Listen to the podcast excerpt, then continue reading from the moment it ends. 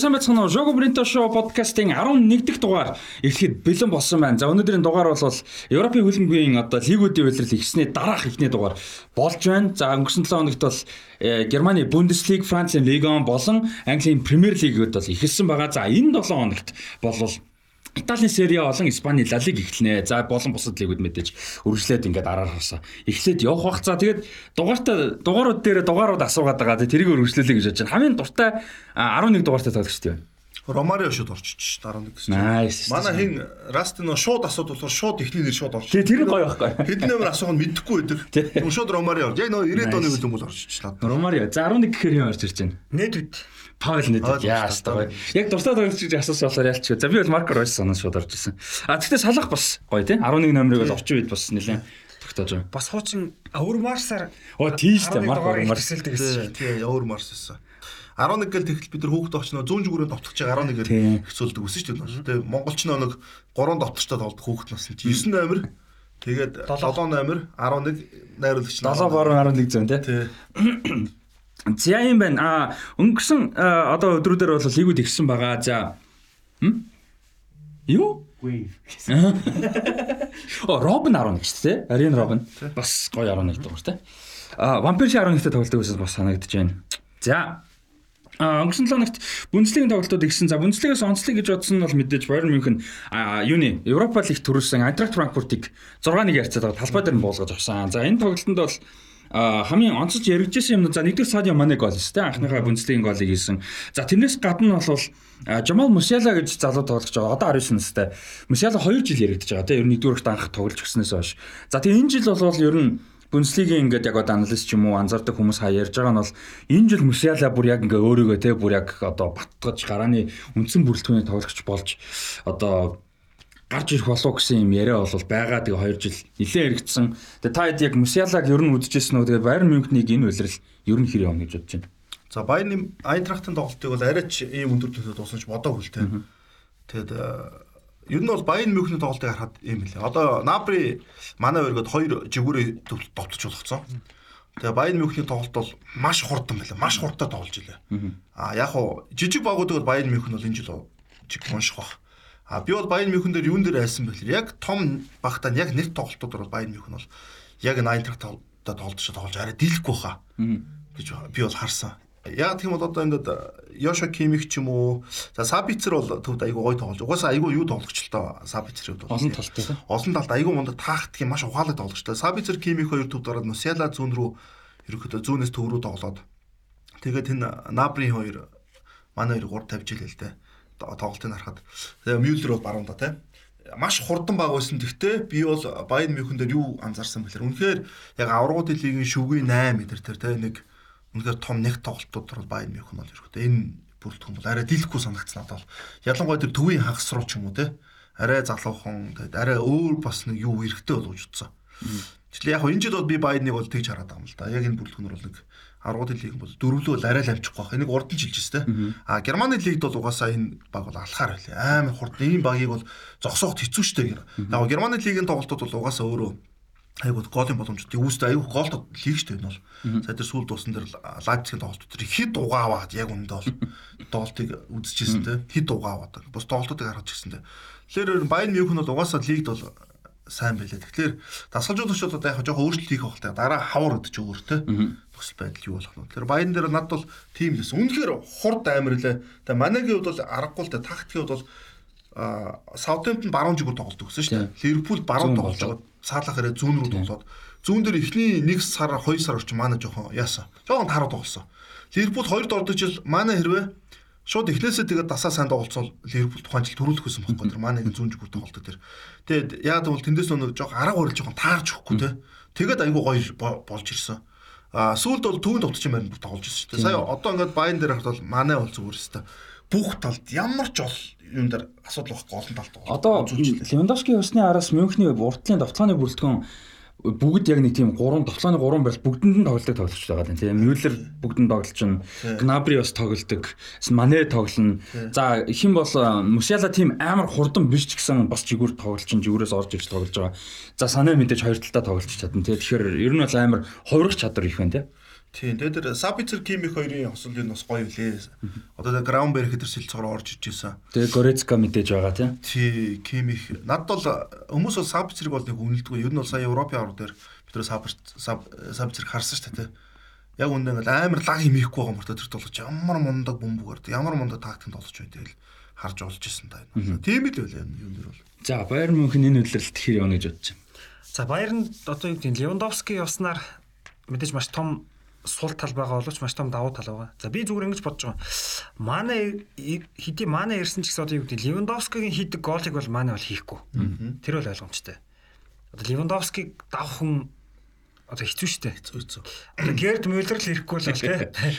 А Герд Мюллерийг давах нь бол Левандовски байгаа даа байхгүй. Энэ хоёрт би нэгээ давахгүй бол зүгээр яг өөр Бундеслигт тэгж цойлох гоолоор бороо оруулах тоглогчийг бол би одоо хэлэхэд хэцүү. Гэхдээ Левандовски явснаар Баерны нэг шинэ үе эхэлж байгаа. Одоо өмнө яадаг байсан бэхээр яг нэг үзүүрийн товчтой тоглодог байсан байхгүй. Баерн ч яг 4 2 3 1 те. Одоо нэг яг Левандовски голд байгаад тийшээ одоо бүх дамжуултыг үгж тоглодог байсан бол одоо Левандовски явснараа заавал нэг үзүүрийн товчтой байх хэрэггүйгээр одоо хоёр төвийн товчтой. Тэгээ тэр хоёр нь одоо ингээд живэрлэг шилжээд гардаг. Илүү нэг тийм одоо яг заяагийн хэлтгэр хурдтай тийм шилжилттэй хөлөмбөг л одоо болох гээд байна. За Баерны хувьд зүгээр яг хөө зүгээр Левандовски байхгүй болохоор Европын том багуудтай бас эвгүй гэж магадгүй гэж заяа бас хэлж байгаа тийм. Бас бас нэг бодлын өмнө. Гэхдээ нөгөө бодлын одоо ийм нэг яг Нагelsmann энэ хүсэж байгаа шилжилттэй хурдтай тесрэлттэй энэ хөлбөмбөг яг нэг ивэ олчвол бас эвгүй гэж магадгүй л байна. Хавар хараа тий. Хавар хараа тий. Одоо өглөөс хойш харъя. Тэгээ том тоглолтууд дээр туршлагатай одоо тоглогчтой болчихлоо шүү дээ манайгаас. Тэг шилжилтний үгээр одоо тэр 6 гол оруулж байгаа шүү дээ.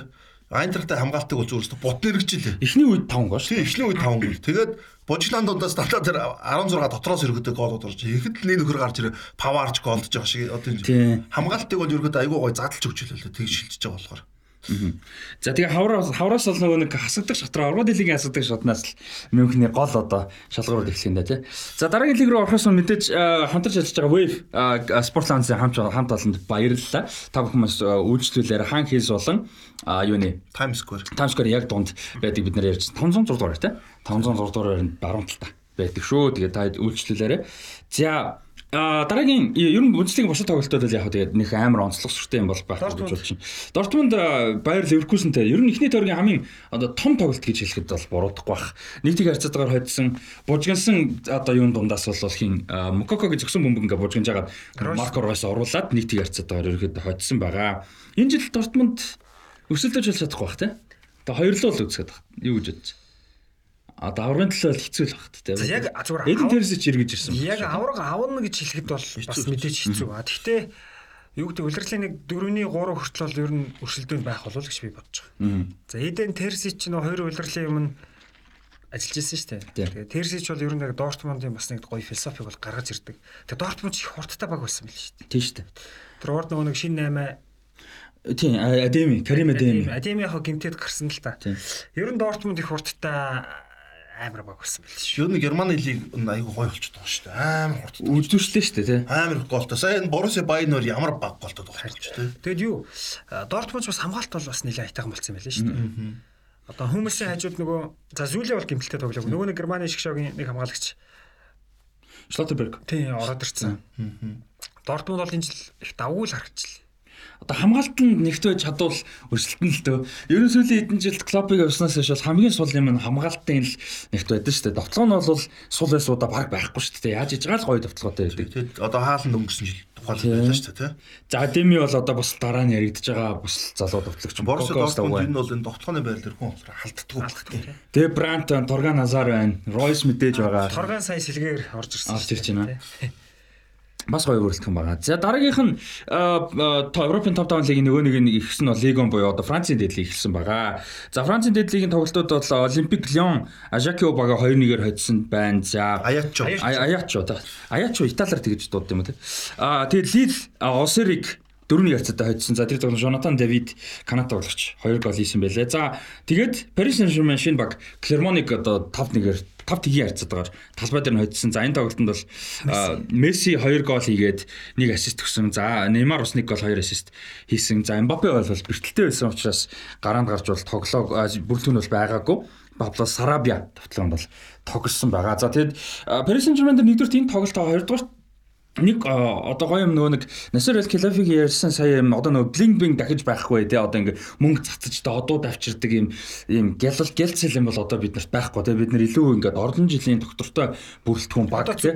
Тий тэрийг одоо босгох гэж үзнэ гэж нэгдүгürt ярьсан зүг байсан. А тий зөвхөн ярихаасаа гадна үйлдэлүүд нь тэрийг гаргаж ирсэн л дээ. Яасан бэ гэхээр за нэгдүгürt Леонардо халагдсан тий за Маруси Почетино халагдсан. За Почетиног Кристоф Галтигээр орлуулад за Кристоф Галтигаас илүү чухал одоо нөгөө хүн юу байсан бэ? Луис Кампусыг авчирсан. За Луис Кампусын хувьд бол одоо Кампуш Луиш Луиш Кампуш. Португал тийм Кампуш.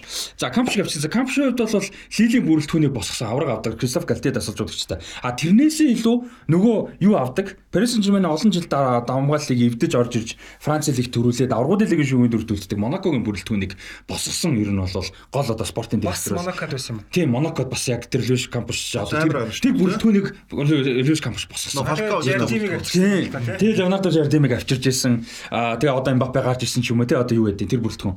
За энэ хүн бол одоо ингээ Paris Saint-Germain ирсэн байж байна. За тэгээ Кристоф Галтие ирсэн байна. Тэгээ энэ бүрэлдэхүүн бол одоо яг удирдлага тал дээр бол маш мундаг бүрэлдэхүүн одоо боссон байна. За тэгээ тэрийг ер нь 8 минут дээр ч гэсэн дагаж хийж байгаа харагдаж байгаа. Ди Марияг явуулсан. Удирдлага ухаалаг чухал байна гэж асар том юм баггүй чинь. Тоолчнуудаа хүртэл айгуу тийм хандлага те нөлөө шал үүдэг. Тэгээ Месси дээр бол би бодож байгаа шүү дээ.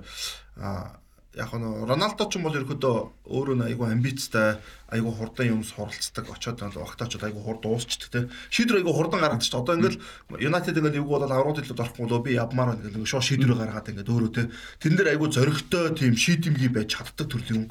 А Lionel Messi-гийн хувьд бол арай өөр төрлийн хүн тийм жоохон тийм. Хүлээцтэй. Хүлээцтэй. Тэнгуут л өнгөрсөн жил яд яг тэр зан жоохон сул тал болсон эренгүүтээ шууд ингээд багт тасгад ч юм уусгаж байгаа. Юу гэсэн энэ жилийн Lionel Messi ч юм бол яг гарч ирлаа Парис нь ерөөсөө аврууд лиг ер нь Яв шүү. Яв одоо финалт төрүүлчих магадгүй шүү. Энэ жил Энэ жил хамаагүй өөр барьсан жирмээ сэтгэл зүйн өвчгсөн тоглолтын хувьд надад бол тэгж харагдаад байгаа шүү. Тэгээд нэг тийм мартагдсан байсан юм шиг санагдаад байгаа. Paris Saint-Germain-ыг бид нар ингээд за угаасаа суул гэдэг ч юм уу те. Угаасаа л авруудын лигт хасагдчих юм те. Тэгээд одоо ингээд бүрэлдэхүүн айгүй гой бүрэлдэхүүн босцсон байхгүй туршлагатай.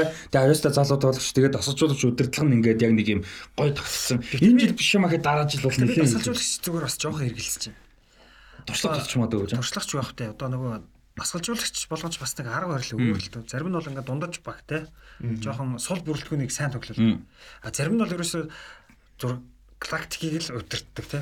Тэгэхээр одоо мань хүн чинь яг өмнө өдөрт сайн байсан Францын лиг. Гэхдээ дандаа л нэг тийм дундаж гараад ирэл нэг болгодог шүү дээ. Яг дасгалжуулагч нь тамирчтай хүнлэгдэхгүй байх вэ? Тийм бас Парист бол их гарна шүү. Тийм одоо Неймар, Месси шиг том хүмүүс тийм том супер ододод бол бас тийм асуудал. Би бас тийм бас тийм гарч мах. Ажлуудыг хамгийн том давуу тал тэр шүү дээ тийм. Месси гайгүй. Неймар л юм. Неймар гайгүй шүү тийм. Эмбапе энтер тийм. Месси бол ерөөсөө бас айгүй джентльмен шүү. Месси ч одоо нөгөө нэг Эрнесто Вальверде байгаа шүү. Вальверде ч нөгөө Барсаг удирчижсэн. Яг гоо Вальверде өмнө бол том баг удирч байгаагүй л. Тэг яг тухайн үед ингээл хүмүүс Вальвердег шүүмжлэл оддыг ингэж чадахгүй. Яг Вальвердег явахад Месси ингээд хүндэтгэлийн пост те өөрийн инстаграм билүү фейсбુક дээр яг гой биччихсэн те энэ нэг маш хүндэлдэг. Тэгэхээр мессид бол бас чанар байгаа тоххой. Яг хүнтэй ингээд нийцээд ярих юм бол бас ойлголцоод Тэгээ Галтегийн хувьд бол ингэх систем шиг байна. Одоо ингээд угаасаа том баг өдөр өөрөө одоо ингээд дэлхийн нийт мэдж байгаа өөрөө ч мэдж шүү дээ. Том бас тоглогчтой ингээд ажиллаж үзээг өдөрч үзээг ингээд яг одоо юу ч юм дэ нөө зидан шиг арга барилаар. Заавал тэр том хүмүүстэй нөө том арга барилаар сайхан аргыг нь олоол те. Яг бол энэ багч аргыг нь олчих нуг нь бол айр үлдэнтэй байхгүй юу? Заавал дасгалжуулагч ингээд одоо юу гэж том нэр шүү дээ. Гой ингээд энэ хүмүүсийн аргыг нь болоо те. За Неймар, Месси, Мбаппе гой ингээд нэг тийм гой нэг лаг гарга болдог менежер үүдэн шүү дээ те. Харилцаан дээр бол маш том дэвшил гаргаад харилцаан дээр дэвшил гаргачаад ерөөхдөө би гайг боддог байхгүй те. За одоо үүд чи Paris Saint-Germain дээр мэдээж таагт мэдээж бүх юм ойлгомжтой шүү дээ хэрэгжүүлдэг те. Месси ч юм уу, Неймар ч юм уу бүр зарим тохиолдолд бол ингээд те Бүтэн контрол. Тийм зарим ингээд контрол ингээд өгөөд ингээд харилцааны үед ингээд асуудлууд олчих юм бол ер нь бол гайгүй шүү те яг тэгж хатуул. Одоо энэ заавал нэг Guardiola шиг ч юм уу колопшн нэрэл заавал том модууд хийх биш. Зидан бол ерөөхдөө бас тийм төрлийн суулж байсан шүү дээ. Зидан Зидан ер нь тэгээд ингээд хөлөг мөч бас тийм байгаад байгаа юм шүү. Одоо нөгөө нэг бүр олон жилийн өмнө нэг дасгалжуулагч оддын баяг өдөртөл нөгөө одд нь өөртөө л баг тохиолцдог. Одоос нөгөө нэг сүүлийн үед нөгөө шеф төвтэй сургалт гэдэг шиг хууч нэг тоглогч төвтэй байсан бол одоо сүүлийн үед нэг дасгалжуулагч төвтэй болоод нөгөө хүн чинь нэг бол ингээд бүр мэдлэг гүйцэтгийг л авчирч ямаа хийлгдэг. Аа зүгээр нэг том од нэг том дасгалжуулагч ярьж бас нэг жоохон асуудал үүсэх гээд байгаа шүү дээ. Одоо ялангуяа клуб Баг гэдэг эсвэл зүйл дээ. тэгээд хэнийг аваад ирсэн юм уу? Магадгүй. Тэ? Би бол тэгж бодоо. Угаасаа бодолтой зөндөө хүн тавьж үзлээ ш Томас Түхэлж ирлээ те.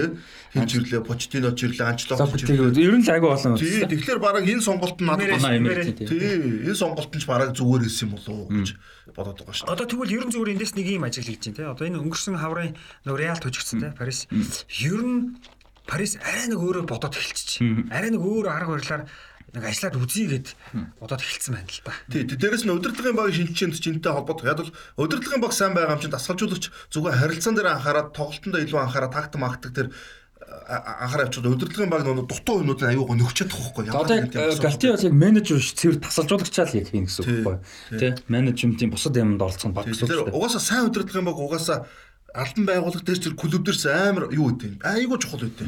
Айгуу чухал үүтэй. За тэгээ бүрэлдэхүүний үед харахад бол бүр тасархай бүрэлдэхүүнтэй байгаа байхгүй тий. Хакими одоо сая гол хийсэн. Хакимигийн форм бол одоо муудна гэж байхгүй. Чадвар нь улам сайжруулах гэж сайжруулах. гимтгшгүй л болвол тий. За нүнө мэндэж улам сайжирж гин. За тэгээ төвийн хасууд нь амар мундаг бас Витиньяг нэмээд авсан байгаа. чинь те. Тийм Паридисыг явуул. Сая Паридис амар гол амжилт өгсөн шүү дээ. Аа тэгээ Паридисыг явуулах бах. Тэгээд Витиньяг аваад ирсэн. Верати мэдээж байгаа. За тэгээ хамгаалтанд бол Рамос туршлагатай хүн байж, Маркиниус байна, Кимпембе байгаа. Дээрээс нь хэнийг аваад ирсэн? А ер нь гой бүрэлдэхүүнээс байгаа одоо Мукеле энтрийг авсан те Экитике энтрийг бас нэг залуу гой бүрэлдэхүүнүүдийг бас аваад байгаа. Тэгэхээр ойлоо Одоо гэж тусгай. бүрэлдэхүүний одоо энэ шилжилт юунууд бас аюусан бодох. Одоо Неймар чи гимтэн заяа надад Неймар чи. Хавар төхлөөр гимтэн. А ер нь бол тамирчин хүн бол мэдж байгаа шүү дээ. Францын лиг тоглож байгаа Paris Saint-Germain бол а Англи тоглож байгаа Manchester City ч юм уу Liverpool одоо том багуудыг бол тамирчин хамаагүй бага ядарч байгаа. А за яг айдлан гүйж байгаа шүү дээ. Гэхдээ нөө сэтгэл зүй сэтгэл зүй ядарлаад Ачаал нараа баг. Айгуу чухал чухал байх байхгүй. Дараа талаа нут одоо тэнтэй тоолно, энтэй тоолно. Яг үндэ тамирчин байсан хүмүүс сэтгэл зүгээр айгуу хундан шүү дээ бас тий. Одоо юу чи үнэхээр тоглоход дилддэггүй багууд байдаг шүү дээ. Тэр багтаа тоглоход би бол өмнөх 2 өдөр нэг сэтгэл зүгээр ундаг байсан. Яаж тэрийг хамгаална, яаж тоглоно гэдэг. Тэгэхээр талбай дараахаар тэр нэг нэгдүгээр бие махбодод нойр муута ядарсан байдаг. Айгуу бол асуудал таа. Тэгэхээр Paris Saint-Germain тал тэр ихгүй. Лиг дээр ямар ч удаа тоглосон угаасаа баг хожино гэж бодчихдөг те. Тэгмэл энэ дээр Неймарыг ч юм уу ингээд Месси ч юм уу зарим тоглолтноор жоохон ингээд амраадаг ч юм уу те. Тэгээ жоохон тим менежментийн заримдаа хийхгүй бол тэгэл угаасаа төрүүлэх нь тодорхой шахуу заримдаа байж ахт нөгөө чинь алдцаалаад те. Тэрнээс болоод гимцэн тохиолдод Неймар ч байгаа ш та бас. Тэр чинь албаар шатаад шатаах гэж үзэн. Тэр айгу бас чухал баха.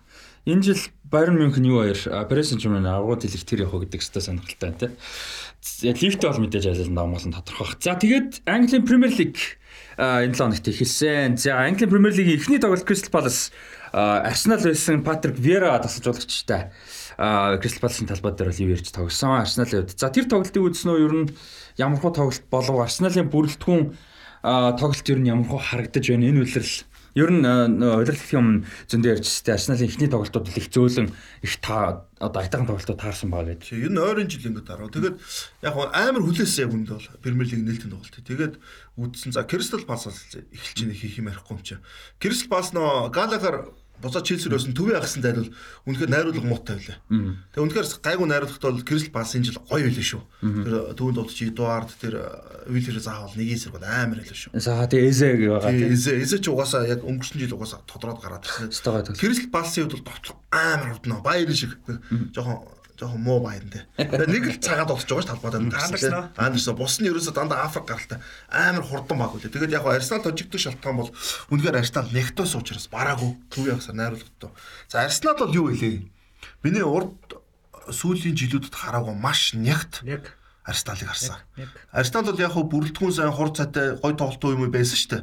Нэг тоглолт чинь өөрөө юу гэдэг юм дээ тэр нэг багийн нэг тийм одоо хин нэгээр орлуулж болохгүй нэг амин сүнс байгаа шүү. Маш чухал юм шиг. 11 хүн нийлүүлж. Бүрэлдэхүүн супер биш ч гэж болно. Тий, бүрдгэн сүбэрч болно. Дасгалжуулагч тэр 10 талбай дээр 11 доллар сэлгээр орж байгаа. Тэр тамиш бүгдээрээ нийлээ тэр байдлыг үүсгдэг байхгүй. Тэгэхгүй зүгээр нэг доллар чирэнгүүт л одоо ингээ бага гоё нэг толгой ингэдэг им харагддаггүй юм байхгүй. Гэтэл энэ зүйлийг багаараа маш гоё мэдэрсэн ойлгосон байна. Арсеналаас хойш л 2006 оноос хойш баг харагдаагүй л Арсенал харагдсан шүү дээ. Тий, яг үнэ. Амар. Тэгээд ерөнхийдөө аа яг нэг сул тал хичгэр юм бол харагдаагүй надад бол. Арсенал одоо энэ жил ингэсэн байлээ. Ерөн зөв удирдлагын ихний тоглолтууд юу их харуулдаг вэ гэхээр одоо пресизн буюу удирдлагын өмнөх бэлтгэлийг яаж хийвэ гэдгийг харуулдаг байхгүй. Та бүгд маань анзаарах бол Арсенал бол сүүлийн үед ер нь улирлыг их муу эхэлдэг. За хуваарч хэцүү байдаг. Гэхдээ өөртөө ч муу. Одоо өнгөрсөн улирал Брентфорд тожигдж хожигдсон шүү дээ. Яг дөнгөж эхлэв те. Бас нээлттэй тоглолт тоглолтод за Брентфордыг бол хатуу гэж бас сэлж болохгүй шүү дээ. Доороос гараад ирсэн баг. Тэгэхэд ерөөсөө ингээд өмнөх жилүүдэд улирлын өмнөх бэлтгэлийг бас жоохон яг Сул хийгээд, тий. Одоо энэ жилийн хувьд бол эхний тоглолтын үр дүн өөрөө за Палас бас сайн тоглосон. Гэхдээ маш төгс үр дүн авч байгаа байхгүй. Нэгдүгээр 3 оноо, хоёрдугаар клин шит. Энэ айгүй чухал шүү. Клин шитийг авахын тулд одоо яг нэг Салиба гэдэг нэг хамгаалагч байна шүү дээ.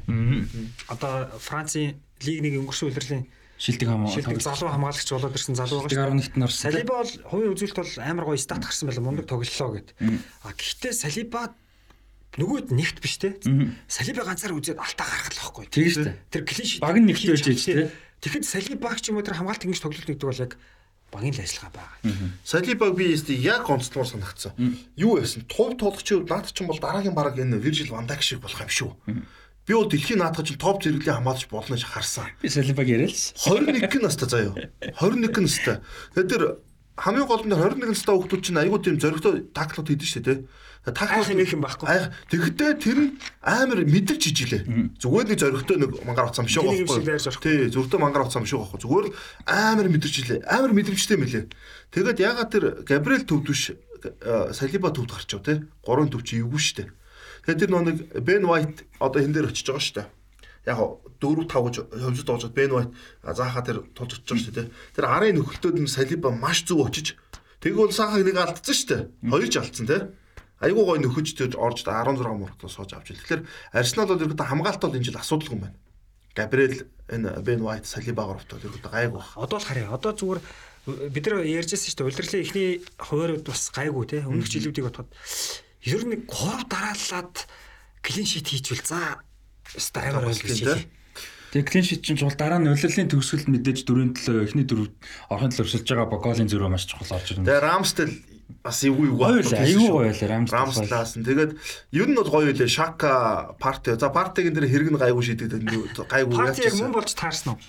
Яг нөгөө хуулийн асуудалтай болохоор яг хин гэдэг нь ерөөсөө аль биесээр зарлагдгүй. Тэгэхээр ер нь юм юм шиг байлаа тийм. юм шиг байна. манай өнрүүл явах гээд л. Тэгээд Арсенал дээр одоо Сакаг таван хамгаалагчтайгаараа Сакаг нэг баруун винбектер тавьж байгаа шүү дээ. Тоглолтын хувьд дөрвөн хамгаалагч руу шилжиж Сакаг бүр жигүүр болгоод. Тэр шилжилтүүд аюу гоё хийжилээ Арсенал. Арсеналаас өмнөх удирлууд яг ийм шилжилтүүд бас тийм орчин үеийн хөлбөмбөгийн тийм тактикийн шилжилтүүд их баг цөөхөн харагддаг байсан шүү. Одоо бас өөр байгаа тийм шүү. Тэгээд чадвартай тоглогч их болчихлоо шүү дээ. Ингээд солигдоод солигдоод өөрчлөлт тоглох тийм. Одоо энэ багийн хамгийн туршлагатай Шака байна уу? За бараг л тийм шүү дээ. Тийм баг шүү. Тийм шакал. Тэгээд бусдын дээр юу нэг Одоо энэ 30 багт юу тодорхой туршлага Тэгээ сүүлд ярихад нөгөө парти төгчжсэн 27 Тэ чи 29 дээ шүү. Нөгөө 29 тоглогч гэдэг. Тэгээ яг хэдүүлээ нэг ярьсан шүү дээ. Тийм, Арсенал харин одоо бид Алено ч явцсан сая. Өмнө дээр яриадсан шүү дээ. Яг төгсгөл рүү удаан урт сонсон өдрөл явах уу гэдэг байгаа шүү дээ. Одоо энэ чинь яг туршлага авч үлддэг байхгүй? Арсенал ч өнгөрсөн улиралд одоо жишээ нь баг 3-т орох гээд дээж байгаа 5 руу орцсон шүү дээ. Одоо энэ багт бас туршлага тутч магадгүй шүү. Тий, бас тийм тал байгаа. Тэгэхээр мэдрэмжтэй одоо техникийн захирал одоо идүү байгаа шүү дээ. Тийм. Мэдрэмжтэй дасгалжуулагч бол ер нь яг харж байгаа үйл нэг те. Тий, би яг зэрэг. Тий, үйл нэг хоёр те. Европа лигээс хэсгээс гараад тэгээ яг нөгөө 2 3 тимч ялангуяа FA Cup League Cup-таа сайн явах юм бол өвлийн 8-ан дээр 1 2 яг нэг туршлагын хүн авчих. Одоо хин Манчестер Юнайтед Арнатович сонирхоод байгаа шүү дээ. тий. Тэрийг бол би бурууч юусоо бодохгүй байхгүй. Арнатович ч юм бол яг солилцоогоор орж ирэхээр бас нэг тийм хөөрхөн юм хэд тоглох Тесрэн шүү дээ, тий. Тэсэрдэг. Тэгэхээр Тэ аа за. яг Арнатович биш заяа. Яг нэг тиймэрхүү нэ жоохон тийм Характер. Тий, характертай. Арнатович ч би онцод ошлох нь амар Тийм. харагдчихгүй. Характер бол маш чухал. Тий. Тэгээд Арсенал дээр Габриэл Жесус бол сайн тоглосон шүү гол оруулаагүй ч гэсэн. Алсан байл шүү Тий, айгүй сайн тоглосон сайн тоглосон. Заавал гол оруулах халбагч баг нь хожоод тэр тоглож тухайн тоглолтын дээр өөрийнхөө 9 номерын байрлал чухал үр гүйцэтгэл болоо байхгүй юу тий. За дараагийн тоглолт нь Fulham Craven Cottage талбай дээр Ливерпулийг хүлээж авч тоглоод 2 2-2 ярцаад байгаа шүү дээ. Амар гол тоглолт. Александр Митрович 2 гол хийсэн. Дарвин Нуньес болон Са- Мохамед Салах нар хийсэн. Ливерпул ягаад жоохон яг сансандаа хүртэл тоглосонгүй. За нэгдүгürt Фулемиг урд нь гарч ирэхэд нь гусцсан шүү дээ бас нэг тоглолтын дээр. А тэгэд ер нь бол нөө сэтгэл зүйн асуудлууд бас илүү мэлүү гэж бодсон бах. Хоёрдугаарт Фулем маш сайн бэлтгэлтэй гарцсан. Ерөөсө Ливерпулийн төвийн асуудлыг өл тэр эхний 20-25 минут ямар ч ажиг болгоцсон шүү дээ ерөөсө. Төвийн асуудыг ерөөс тоглохгүй. Төвн тоглохгүй болохоор оршод довтлоо явчихгүй. Тим байсан. Тэгээд тэр урагшаага тэр прессинг шахалтан дээр фул юм яг үндэ бол тэр ихний өдөр баг алдаа гаргаагүй штэ. Ерөөсөө урагшаа юу айгу баг алдаа гаргаж ирсэн. Тэгээд сүүл рүүгээ яг үнэхээр яасан л та Ливерпул чичирсэн л дээ. Тэгээд би бол ингэж харсан. Ливерпул энэ ч сул юм байна. А одоо гейм ченжер гэж тоглолт шийддэг тамирчид өөрчлөлтөг тийм. Ийм тоглогч багт байх ямар чухал вэ? Одоо Саалах Маана хоёр байна те. Нэг нь жоохон дарууд нөгөөдг нь шийддэг те. Ливерпул дээр энэ жил тим дутгаж магадгүй гэж би харсан. Дутагдаж магадгүй. Дутагдаж магадгүй Маана байхгүй. Дараа нь бол арайж болдох байх. А нүнээс бол сайн. Чадах байх. Чадрын үед бас сайн ба. Гэтэ тэр нөө Энэ жилдээ тий. энэ жилдээ би арай жоохон нэг жоохон за яг хаа нэг хэдэн сар болж иж гай болдог ч юм уу те. Яг тийм төрлийн дол саалагаас гад надад бол дутагдж байгаа юм шиг. Би нүнээс гэж харж байгаа шүү дээ. Нүнээс чадах байх. Гэхдээ би нүнээс одоо ингэж жоохон эргэлзээд Би нүнээс бас жоохон эргэлзэжсэн байхгүй. Улирлал хэлхээс өмнө. Тэгсэн чинь community shield дээр нүнээс орж ирээд пенальт авдарч байгаа. Тэг өөрөө гол хийчихэ. Хоёр гол нь шууд орж байгаа. Сая Бас хоёр болд. Гол хийгээд Ассист өгсөн. саалаад өгч байгаа шүү дээ. Энэ би одоо амар миний одоо үнэлжсэн нүнээс дарвин нүнээс бүр ингээд би одоо үнэлгээнээс бол давцсан. Гэхдээ юуд чинь нэг том тоглолтууд дээр чи шийдэн штэ. За яг одоо- дээр шийдэх биш байхгүй. community shield чинь бас том тоглолт дээ. Гэхдээ би бол яг үндэ бол жоохон эргэлзэж байгаа шүү. Тэр дээр. Тэгээд Ливерпул дээрс нь төвөө асах хэвээр. Тиаго Силва 6 7 хоног. А юу лээ? Нөгөө Силвас нэгдүгээр үед судсан шүү дээ. Тий, гэхдээ төвөө хас тэр Тэгээ Чемберлен дандаа гэмтэн тий. Кортис Сонс залуу байна. Милнер нас авцсан байгаа тий. Ливерпулийг би бас муу гэж бодохгүй. Би ингэж бодоод байгаа шүү дээ. Зүгээр энэ бол яг баттай мэдээлэл биш шүү. Нөхдүүд community shield-д мундаг бэлдээд. Тэгээд аваад нөгөө дутуу цом нь байсан юм байл шүү дээ. Клоп тий. Аваад жоохон баярлж хөөрөөд жоохон нацгарсан. ядарсан ядарч яд уус тийм бол байгаа хаа. Одоо э, ер нь Ливерпул ч нэг сүүл сүүлийн хэдэн жилийн удирдлагад оруулал яг юу яаж штэ 8-ны хувьд бол ийм яарсан ч юм уу сандарсан 8 их ерөөсө баг хийхгүй байгаа. Тэгэхээр энэ зам бол төвийн агсал авахгүй нь баг ойлгомжтой баг.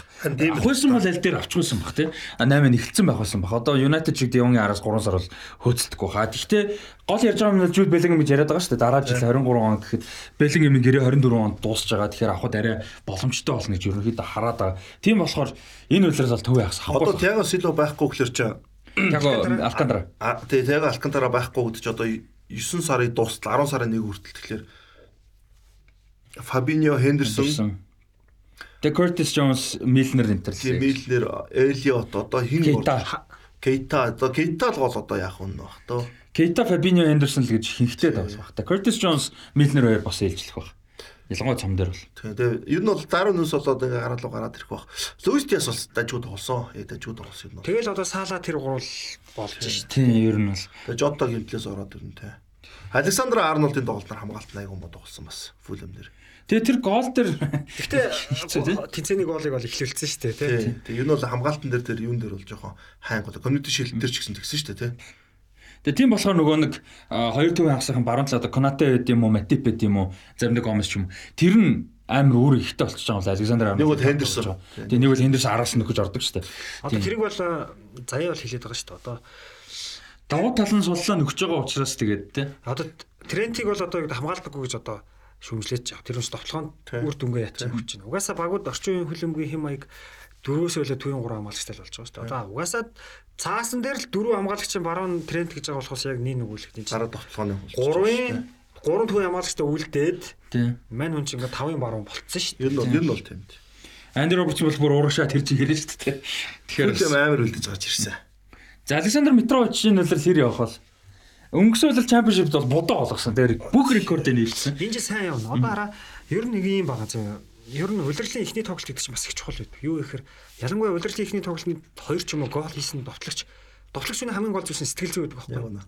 Ер нь гол хийх тоолонд л явна. Митрович бол ер нь зүгээр удирдлын ихэнд бол нэг нилээ хитэн тоглолт овоо хитэн гоолтой мэрэгэн буучийн дээгүр нилээ явах байх гэж байна. Ер нь удирдлын баг нэг талдаа ортолж юм. Яг зөв бүтэн удирдлын туршил хэцүү л дээ. Ер нь ингээл нэг нэг нэг хийгээл яваад ш харж л. Дээрээс нам метроч ч урд нь Премьер лиг тэд тэд гараад унаад ойчоод нэг уналтыг мэдсэн. Тэнгүүд доор очиж өөрийгөө буцаж сэргэж за одоо энэ жил өстой яг ална гэд Өнгөрсөн жил бол Амар хооронд орж. Тэгэхээр энэ жил угаасаа би бол шууд санал хэлж байна. Метроч энэ жил угаасаа 15 гол бол байгаа баха. 15 бол байгаа бах тий. 15 15 ч их шүү. Одоо нь фантаси дээр авсан дээр яг Сайн тийм фэнтези дээр авсан хүмүүс нийлээ нийт фэнтези тоглолтын 56% нь аваад сэлгэн дэд суулгасан Суулгасан. Тийм, метро. Ливерпултэй тоглоныг суулгацсан. Тийм, тийм. Ливерпул дээр хийхгүй байх гэж нөө төнгөр хийх цаашаа. Хоёр яг.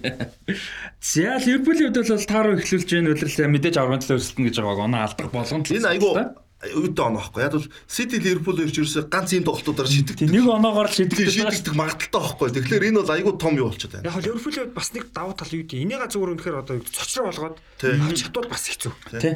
Тэгээ даваад өргөжлүүл явчихлаа.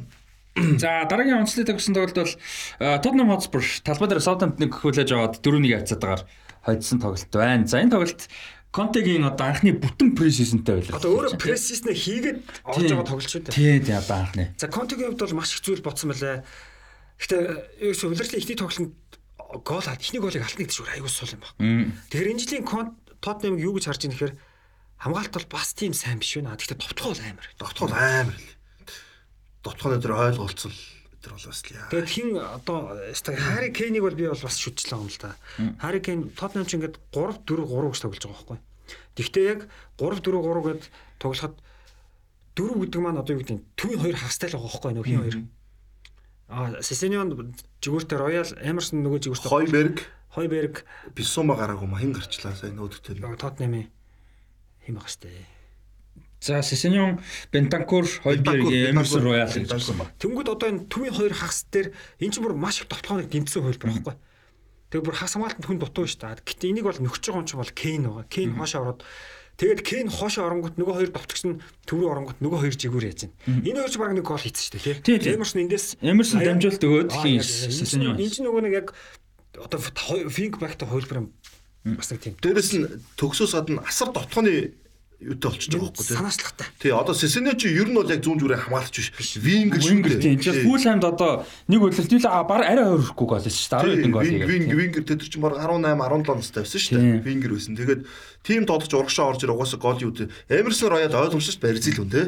Барзил хүн дотлохгүй байна гэж бол хэзээ хамгаалдаггүй Барзил хамгаалагч юу дотлохгүй Эмерсон гэхдээ нэг зөвүүн бас зөвүүн хамгаалт шүү дээ. Тий. Сайн хамгаалдаг тий. Тий, сайн хамгаалсан. Сая тэр орж ирээд Кулушевский өдөр голын дамжуулт өдөр айгуу гоё мэдэрч өгч байсан тий. Тийм тэр болгоод дамжуулсан. Тэгээд Нажд хэлжээд үнэхээр санал байна. Кен довтгон дээр ч гэсэндээ түрүү маш голж найруулгаар орчихгүй. Бентанкургийн хоёрлоо, Хойберийн хоёрлоо.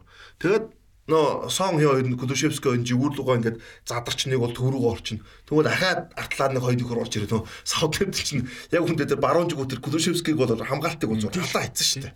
жигүүрээ зодж байгаа шүү Тий. дээ. Тэгээд би бас зүгээр нэг ийм ойлголт одоо юу гэдэг нэг бодол төрсөн зүгээр улирал эхлэхэд хэлчихээ зүгээр. Хари Кейн одоо юу гэдэг багт үзүүлэх нөлөө бол хэвээрээ гэхдээ мань хүний гол энэ улирлаас ер нь өнгөрсөн улирал жоохон Тийм. багассан. Одоо ер нь нэг тийм өмнө нэг 20 30 руу дөгдөг байлоо. Тийм. Одоо мань хүн нэгт ихгүй зөв 10 гаргаал 15 авал явах бах гэж би бод. Тэгжиж багийн тоглолтод нь илүү нөлөөлж байна те. Тэгээ мань хүний харин Assist нэлээд нэлээд юм assist нь 10 давах шүү ер нь. Ер нь аим яг 10 номер болчиход байна шүү. Яг 10 номер тий. Тийм. Аа тэгээд Одоо энэ орчин үеийн хурамч 9 номер дээр амар зогцох юу болчиход байгаа хөх те. Тийм учраас Гвардиола чинь Кейн рүү бүр өнгөрсөн чинь бүр А аав. Кейн Гэсэн шүү дээ. Кейн бол гэхдээ хэрэгтэй үед хэрэгтэй голоо хийчихсэн. Оо тий тий, том тоглолтод ялангуяа дурчлага та.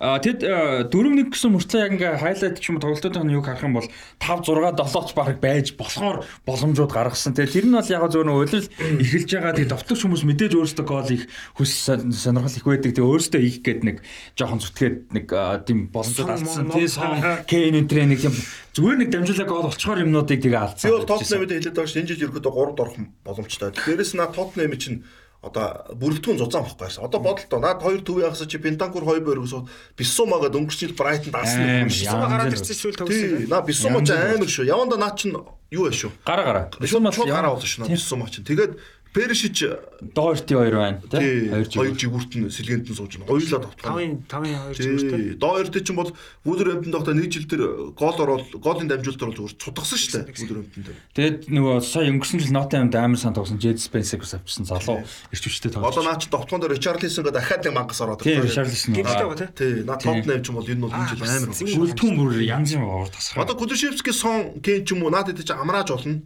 Гимтэл гарах юм бол сонголтууд Тот өмнө жил ингээл гинтэл тусдаг гэсэн шүү дээ. нэг тоглож хоёр. Муура байгаа шүү дээ. Муура байгаа.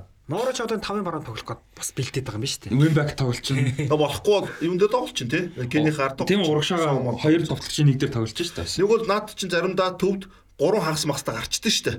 Тэгэд 3 хагастаа гарахад төвийн 3 хагасынхан баруун тал дээр гүйж идэв шүү дээ ингэж. Төвд гүйдэг линк гарч. Дэлхийн ортод тоглолт шүү. Хувирах боломж бол их байна те. На Тоттенхэм ч бол гоё болчиход байгаа юм аа. За Tottenham энэ жил чинь аврагууд лигт байгаа те. Тэгээд энэ багийн чинь дотроос нь эвдчгээр харагдахтай нөхөрч байхгүй байхгүй хамгийн гол нь тий. Уур амьсгал харин их давгүй. авахгүй шүү дээ. Тийм, өстө контек давах юм байхгүй. Тэг э, сон Аацун айгу даруухан. Ийм түнч контек авахгүй өөрөө. Тэг контек ч өөрөө л дуустдаг л та. Контек одоо ийм байлээ ш Тотtenham ч нэг Контек өнгөрсөн жил гуйж авчираад нөгөө мань хүн чинь хэвлийн багуурал дээр бас жоохон эвгүй эвгүй юм хилчдэг тий. Тэгээ мань хүний чинь нөгөө Италид хэвлийн багуурал хийгийг хоригдсан байлээ шүү дээ. Тэгээд энэ өнгөрсөн удирдлагын төгсгөлөөр аврагуудын лигч орохын эргэлзээтэй жоохон хэцүү үед баг бүр Контек бүр огт хэвлийн багууралд оруулахгүй гэж албан бус шийдвэр явж исэн юм байна шүү дээ. Тэгээ Контел дэлбэр өөр тийм байхгүй гэдэг. Ер нь бол тийм топ нэмдэр бол одод нэг даруухан одод шүү. Тийм шүү дээ. Ер нь гайгүй тэр тал дээр бол ялангуяа. Аа Гэтэ энэ даруухан характер нь тийм амар биш тамирчтай тэр нь дасгалжуулж байгаа характертай бах бас. тийм тийм хэрэгтэй. Ер нь бол багт характер бол хэрэгтэй. Хаанаас байл гэдэг тийм. Тэр нь колоп бол тэрийг амар гоё гаргасан. За Tottenham тэгээ талбай дээр Southampton-ыг 4-1 ярцаад байсан. За Newcastle Nottingham-ыг 2-1-ээр Leeds Wolverhampton-ыг 2-1-ээр Bournemouth гарч исэн Bournemouth Aston Villa-г 2-1-ээр тийг ярцаад хойдсон Боон байсан. сайн байл шүү. Bournemouth ер нь нэлээд сайн үзэх магадлал Scott Parker тасалжуулагчтай. За тэгээд э, Dominic Solanke өнгөрсөн жил бас нэлээд сайн Solanke. с- маш сайн тоглосон юм. Хоёрд орсон шүү дээ Америк мөчрөө. Тийм яг Митрович яасан. Солонке бол тэр хэдэн жилийн өмнө ахлах байсан. Ливерпул дэсэн тий. Тийм. Солонке чинь тэгэхэд Челси актемс гарч ирэл Ливерпул руу. 20 хүртэлх насныхны дэлхийн аврал шалгуулалт тэмцээн алдсан. Бодоо болгосон тийм. Тэгэл Тэгэл яваагүй дээ. Гэтэ залуу байна. Одоо залуу юу л 22 3 тал бах те 21 дээр. Одоо явсан явсан. 20 гэдэг чинь Одоо 25 руу одоо 25 Төгсөн. Замцсан харж. Ер нь бол нэлээд залуухан тавтаа байгаа бах. Гэхдээ энэ үлрэл бас нэг 10 гол бол байгаа бах л гэж бас хараад байгаа шүү дээ ер нь бол. Тэгээ Ньюкасл чимээгүй байж байгаа бас сайн явахаар юм шиг шүү. Чи Ньюкасл гоё нэгт үлээ. Ньюкасл чимээгүй байж байгаа тэр зөвхөн адаг гарт долоороо орж ирэхээр л харагдаж илээ шүү. Яг сайн бол те. Нэг форм алдахгүй явчихвал. За Wolverhampton хожигдсан ба. За тэгээд Everton Chelsea-гийн тоглолт. Chelsea нэг тийг харцаатай Jorginho-гийн тоглолт. Челси дээр яг л бидний ярьжсэн. Төвөнд овтож байхгүй. Тэр эхний үед Челси 12 3 булан авцсан уу болгоны цогцолт шүү дээ. Боддоо. Бүтэн тоглолтын дээр нэг баг 10 булангийн цогцолт авнад чинь маш хоор юм шүү дээ. Гэтэл эхний үед тэр Челси зөв нүдсэн. Тэгээд Челсигүүд бол яг Godfrey аягүй хүнд гимцсэн. Дээр. Тэгээд Челсигүүд бол яг харахгүй бүх баярлал гоё. Яг л маний дийлдгээ төвөнд тогтчих асуудал. За сая тэгээд хин явахаар болцсон те. Аа Тимо Вернер Лайпциг руу буцаар болсон байгаа. За тэгээд товтлооны асуудлыг яаж шийднэ гэж бодож байна. Одоо Пьер Эмерик Обамян тэгээд Фрэнки Де Йонгс хоёр тоглож байгаа. Хойлонгийн Барсаас бол яригдсан. Челси бол одоо зүгээр өөрсдийнхөө товтлогоо хийсэл Барсагийн асуудлыг шийдэх гэдэг шүү дээ. Обамян гэдэг ирээд ер нь бол за нэгдүгээр Лондон амьдараа сурцсан хүн дээрэс нь Премьер Лигт олон жил тоглоод гоолыг сурцсан нэг 10 25 гол бол баталгаатай л байлгүй дээ. Обамяг 20 хий шүү. Тэгээд яг форм бол 20 бас гарнаа. шүү. Нэг 10 15 бол баттай. Ромайг Арсеналд авахт бас баг нь ямар байлаа тий. Тэгэхэд устдаг бас наа чи Челси дээрээ хажуунаас нь хангалт мангалт орж ирлээ. Обамяг 20 байх тоосон шүү. Тэгээ дээрэс нь тийм Томас Түхэлтэй бас хамт ажиллаж байсан хүн шүү. Өдөр Дортмунд тоглосон юу тийм. Дортмундээс шүү. Тэгэхээр ер нь бол бас давуу талтай авах магадaltaй. Тэгээ Челсид бол нэг одоо тийм яг энэ энэ Джеймс муу л шүү баруун зүгүр дээр. Рис Джеймс. Тэгээ Рис Джеймс жоохон тааруулаа. Тэгээ энэ нь бол яг довтч асууд. Стерлинг бол угаасаа ойлгомжтой зогцсон ярьжсэн зогцчихлээ. Челси довтож авахгүй бол а гол хийхгүй бол явахгүй шүү. Сайхан хамгаалаад тэ тэр Кулибали гэж сайхан амт байна. Яа зүгээр шүү. Тэр хизээ язаад Челсиг л болгочих байл шүү. Тэг Кулибали нөө нэг өмнөх төр нь ярьж шүү дээ. Яг Кулибали шиг ингээд амар туршлагатай олон жил олон талын юм үзээс сурцсан хүн ирээд шууд дуусчих واخгүй тий Тиаго Силвач гэсэн Колибалич гэсэн тэр нь гоё тий айгу туршлагатай тоглож авсны дараа Тэгээд энэ айлын Барсаг бас ирдсэн зүгээр хөө тий Одоо Барса тэр олон яг үндэ над за Дионгийг бол яаж чаддаг гон Барса дүлдүүлэх зүгээр. Тэр Обамянг тэр Ферран Торсод хийн бид зүй Депам ба явуулж тэр Ферран Торсыг явуулна гэж байхгүй л тэ. Өвөл авсан 60 саяар авсан. Ирээдүг гэж харж байгаа. Депай тэ. Депай Обамян за тэгээ нөгөө өмтөдийг одоо явуулах гэж чадахгүй байгаа даа. Breathwaite байна тий. За Брэдвейт яг үлдэнэ гэж шийдсэн л дээ. Аа. Яг явуулах хэрэгтэй гэвэл. За Барсагийн асуудлыг нэг гой дэлгэрэнгүй ярихгүй бол тий.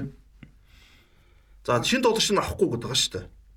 За шинэ тоглогч нь авахгүй гэхээс нөгөө гэрээ нөгөө нэг юу гэн бүртгэлийг хийлэхгүй. Нөгөө юу ядэм нэг апаар бүртгэл хийдэм байлаа ялагч чинь. Тэр захимжцсан шүү дээ. Тийм захимжцсан бохимжаа. Ап тэр би бас бодсол ап гэхээр одоо тэг бодвол лапортагийн утсан дээр байд юм болов? Юу хин дээр ямар юм бэ? Хариуцж байгаа мэрэгчлэн байгаа. Ажилтан байгаа. Нөгөө матио алиманы ч юм нэг нэлээд байх. Тэгээд нөгөө бүртгэлийн хийхэд чинь бүх нөхцөлөө оруулдаг. А тэр нөхцөл нь бүрдэхгүй бол тэг угаасаа болохгүй те. Тэгээд тэр систем цаг яваад хаагдсан шүү дээ. Тийм. Тэгээд 8 сарын 13 хамгийн сүүлчийн өдөр нөгөө одоо тэр юугаа эдийн засгийн асуудлаа шийдэх барсаг бүртгэлээ хийх. Аа, лиг эхлэхэд тийм эхлэхэд эхлэх өдөр гэсэн үг ер нь бол. Тэгээд 8 сарын 13-наас өмнө тэр одоо чи хэдэн сая евро юм нэмж олох шаардлагатай. Тэрийг нь зохицуулж чадахгүй болвол саний шин бүрэлдэхүүн одоо гэрээсэн бүгд дээрэс нь гэрээгээ шинээр хийсэн Осман Дембеле, Серж Роберто бас адилхан бүрэлдэхүүн авах боломжгүй болно. А тэгээд хуулийн дагуу одоо хэрвээ 13 гэхэд шинэ бүрэлдэхүүнүүдэд бүртгэж чадахгүй бол 23 тоглогч хүртэл 25 билүү дээ. Хүртэл бүртгэх ёстой учраас нөгөө академис нөхдүүдэд бүртгэнэ. Юм бол бүр дизастер болно. Яг уу гэхээр юу хүртэл 1 сар хүртэл 1 сар дуустал юу байхгүй. Нөгөө тоглогчт нь лалиг тоглох боломж болно. Тэ том баг энийг бол яаж байгаа нэг шийдэд ард нь гарах байлгүй дээ. Том баг тэ бас ар үрийн хаалга байна. Тэгээ одоо Деонгийг явуулах гэсэн юм байна. Одоо хамгийн мундаг санхүүгийн шинжээчд, хуулийн шинжээчд гэдэг одоо дэлхийн хамгийн супер гаруудыг хөсөлж хамгийн хурдан хугацаанд ажиллаж байгаа байлгүй дээ. Эдний цалин бол үгснэг нэг тоглолчдыг хэдэн 7 хоногийн цалин авах хэрэгтэй байна. Тэд нар нэг юу явах гэдэг юм л та. Одоо нөгөө нэг Деонгийг явуулах гэдэг нь үнэхээр одоо бас өндөр цалинтай байгаа Тэрийг явуулж цалингийн зэсийг султах гэдэг шүү тамиг бол. Өмнө тэр Барсагийн тамирчны цалин харав. Тэр Барс нөө цалингийн асуудал нь яасан гэхээр өнгөрсөн жил пандемиктэйгээд дөрвөн багийн эхний дөрвөн багийн ахлагчтайхаа цалинг багасгасан шүү дээ. А тэгээд дээрээс нь Дионта гэрээ дахиж ихтэй яасан бэ гэхээр цалин өндөр цалинтай гэрээ хийсэн. А тэгээд пандемиктэй орлого муутай хэцүү байна гэрээнийхаа сүүлийн жилүүдэд орлогоо илүү авчихаа одоо баг цалин авчих гэж нөхцөлийг хийсэн. Тийм тэгж гэрээ явуулсан. Тийм тэгж гэрээ байгууллаад одоо болохоор үлдсэн мөнгөний өгч чадлаггүй тэгснэ яв гэдэг. Тэгээ жоохон юм жоохон сони тий. Тэгээ тэгсэн мөртлөө ингээд мөрөөдлөгөө багт ирсэн байгаа. Нөгөө баг нь мань үнийг ингээд байдаг бас муугаа байхгүй тий. Тэгээ Дион бол Барсад гой зогсож байгаа шүү дээ тий. Тийм уул нь бол хэрэгтэй л. Тэр нэг бичлэг байгаа шүү. Унаа унаатаа тоглоход Дион нэг хойноос бөмбөг аваад ингээд явж явж байгаа. А бөмбөг гадрал шийдэг өө. Тий. Угаасаа сугаасаа Дион бол угаасаа амар тоглож байгаа. Тэгэхээр яаж байгаа тэр нэг хэдэн довтлооны хідээс ч юм уу тэр өмтити тэр нэг явуулаад шийдчих. Өмтити бол үнэхээр одоо тэр өмтити сайн байсан. Анх ирсэн жил шүү дээ. Ирээдүйн ингээд одоо пикетэ насаараа тоглоно л гэж ярьж байсан юм шүү дээ. Тэгээ одоо баг зүгээр одоо яг Барсагийн дэмжигчнэр сонсоод муухайлах юм баг пикет зулаг тайлцмаар юм шүү багийнхаа төлөө тий. Одоо шүү тий. Ер нь одоо баг тхэн холбоо болох гэдэг дээ. Баг тэгээд пикет бас лүү цалин авах шүү дээ. Тэг пикегийн цалин. Пикет одоо 30 87 нах. Тэгээд 80 би яагаад чи 80 дөрвөлөө бодооц тийм ээ тийм ээ. Тэгтэл бас за тэгээд Depay Juventus-тэй яриад байгаа юм байна лээ. Ер нь бол тэгээд Juventus угаасаа товтлогч авахгүй яриад байгаа. Товтлогчгүй байгаад байгаа юм. Вернерийг авахгүй болчлаа. Тийм бол. За хинээс нэмээд товтлогч хэрэгтэй байгаа дах шүү байгаа. Өө сайн нэг өвөл авдаг товтлогч чинь. Влахович. Тийм Влахович. Влахович дээр нэмээд нэг давтлагчлаа авна гэж үзээд тах шүү. Аа тэгээ ер нь Влахович өнөхөдөө төврөө тоглолт гэхэлэр жигүүрлөө Типа маягийн хэрэгтэй. Тийм нөгөө хоёрч тоглох чаддаг. Тэгвэл Влахович яг классик гэсэн номер шүү дээ. Тэгээ Барсагийн сая нэг нэг юм жоохон онцгүй л байла. Юу гэхээр Типаыг явуулаагүйч Левандовски 9 номерээс зарлцсан тий. Бас нэг жоох хүнд итгэлгүй. Тэгсээ бүрдгээгүй. Тэгээ одоо нөгөө ойлгоотой юм болно шүү дээ. 13-нд хэрэг амжихгүй Левандовски биш Депай нээсээ аваад тоглохоор болно шүү дээ. Тэгээ 9-д танилцуулсан тий. Барса тэр жил юу яжсэн шүү дээ. 2003 онд Рикелмег яваг багт Рональдиныг 10 дугаартай танилцуулчихсан шүү дээ. Энэ тэр муухай тийм муухай муухай. Тэр чи бас лапорта шүү дээ. Тэ? Лапорта дөнгөж ирсэн байсан. Тэ. Тэгээ ер нь бол нэлээд асуудал. Ер нь лапорта гэдэг нөхөр ер нь Барсаг нь бүр аллаа тий. Өмнөхдөр бол одоо нэр маш сайтай байсан шүү дээ. Ер нь бол тий. Тэгээ одоо бол энэ удаад тэр нэрээрээ бос сонгогдсон яг үнэндээ. Тэр Виктор Фонт бол бас нэлээд нэр төр сайтай ер нь яригдчихсэн. Тэгээ Лапорта явсан учраас хүмүүс Лапорта өмнө нь тэгээ ингээ Барсаг орчин үеийн Барсаг суурийн тавьсан босгосон Райкардыг авчираад те Рональдиньо гэх мэт тэгж ярьжсэн Гвардиолаг дасгалжуулагч болсон гэдэг юм. Тэгж ярьжсэн нэр төрөн дээрээ гарч ирсэн. Одоо бол Лапорта тэгээд тэр сайхан нэрээ бол ер нь зөвхөн л олгож байна. За City United дээр ярьч те. За үргэлжлүүлээ. За Манчестер Сити Юнайтед сүлд нэр те. Сити дээр бол за хаалт ч юм бол амар хэлээ шүү дээ. Тэр өндөр метр 97 тийм хурдан усаан болч гүйж гарч ирээд. Нааданд ч юм бол яг үндэ бол энэ юуг бол өөрчлөх юм билээ шүү. На Ситиг над тоглолтын хэм маягийг хэм маягийг дээрэс нь тэр сэтгэл зүг бол шал өөр болох юм бэл. Одоо Сити Хааландыг одоо хурдтай байгааг хэлэх нэг шалтгаан юу вэ гэхээр хоёр гол те хурдтай гарч ирсэн мань хүн одоо хүн довтогч хүнд бол тийм цаг зав байхгүй шүү дээ. Гарч ирсэн бол таарсан хөлөөрөө л гусан шүү дээ. Тэгэхээр мань хүн чинь баруун нараа шиг засаж хагаад Сүүнээр авч хийж илээ. 11 дээр ч гэсэндээ бас амар хурд гарсан шүү дээ тий. Аим үү тэр тэр хажууд хин хин бэлээ бронч хамгаалт чинь зэрэг баг гүйж Суфал байгаа. суфал уу? Тэр пенальтиг хаалт өгдөг. Тийм. Голын салхин хаглаа. Ер нь пенальтид баг манай унцахгүй хөө. Хин тэгсэн байсан. Гвардиола тэгсээс хэрвээ хааландыг пенальт зогсож байхад өөрхөн очих юм бол би оцсон үнийг нь өөрөө зогсож авна тэгсэн. Яг тоглоомор л ярьж байгаа л да. Хаалт угаасаа пенальт сайн цогтсон шүү дээ. Өөрөө мундаг сэтгэл зүйтэй. Хаалт цогчсон тэр угаасаа. Дебройн бол нэг би цохиё гэдэг ах нь ягаад ах юм биш. Амжилтлаад байхгүй угаасаа. Амжилтлаад ах юм ба. Биш угаасаа. Өмнөх жилүүд одоо Ситигийн тоглооны гол хэм аягүй хэр жигүүрлэг өгдөг.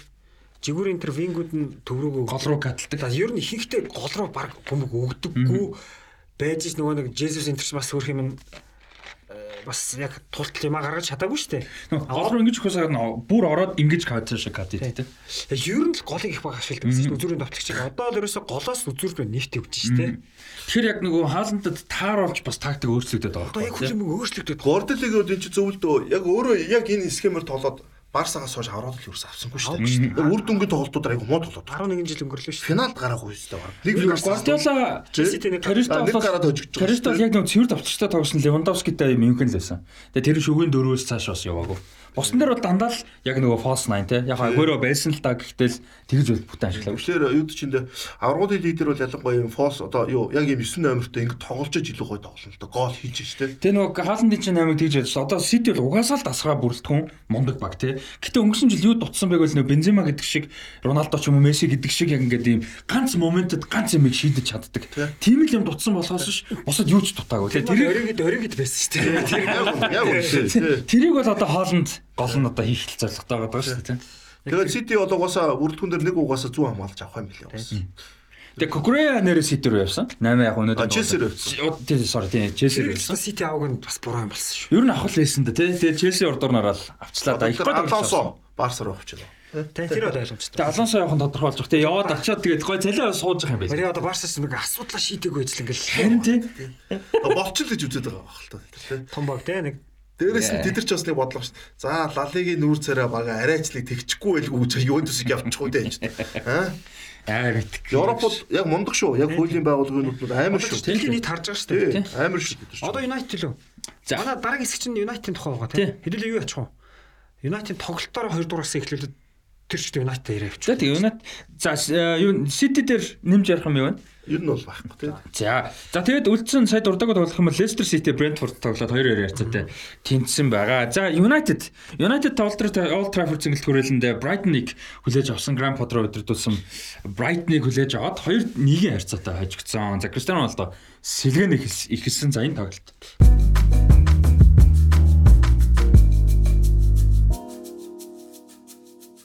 За тэгээд э, одоо Манчестер Юнайтед орохоос өмнө сүүлийн одоо дурдаагаа тоглолтод Leicester City талбай дээр Brentford-ыг хүлээж аваад 2-2 ярцаатай тэнцсэн байгаа. За энэ дэр энэ жил ер нь э, Brentford-ыг үлдэнэ гэж бодож байна уу? Leicester-ыг хэр явна гэж бодож байна. Ер нь авраг авснаас хойш Leicester бол бас ингээд нэг 6 талаараа үзчих зоригтой баг болцсон байсан. Өнгөрсөн жил бол нэлээд унсан. За энэ жил ер нь юу гэж бодож байна? Leicester бол энэ жил бол бас дахиад унахгүй. Ямар ч өлтөө 8-9-ийг хийсэнгүй те. Лестер тэр 2 жил нэг аврагуудын лиг ирэх авах гээд нэг төгсгөлт нэг алддаг. Тэгтэл л авах байсан. Тэнд аваг болохоор энэ клубийн бас цаашдын ойр хэдэн жил жоохон эвгүй болцсон л доо. Яг 2 жил авангаа алдаал удсан шүү дээ. Гуравт явж явж байгаа л тэгэл тавраа орчдөг. Тэгсэн бол хөрөнгө оруулалт орж ирээ. Яг хөө Лестерд бол сайхан нөө гурван хамгаалагчтай хөлбраар айгүй гой тоглож ийлээ. Гой тоглож ийлээ энэ бол тэгэд энийгээс хадгалж чадах бол гайгүй хадгалж чадахгүй бол тэгэл. Яг тийм бол жигүүр мигүүрүүд нь айгүй юу бодохгүй. Тохирох нэг тамирчин байгаад байгаа одоо тэр Кастан, Пауло Фрейра тэр бол яг тэр байрлууд айгүй удаж тоглолцоор хүмүүс бодохгүй. Тэгэхээр одоо тэдрийгээс ашиглаж чадах нь үгүй юу гэл. Харъя. Brentford үлдэх үү? Энэ жил. Зэрэг дурт мэдхгүй шүү дээ. Үнэхээр хэлж мэдхгүй. За ер нь нэг prediction яа л да. Одоо United орсон тийм унах ямар гурван багууд унах гэж ер нь зүгээр байна. Nottingham Forest. Одоо Leeds гэж харсан юм бол.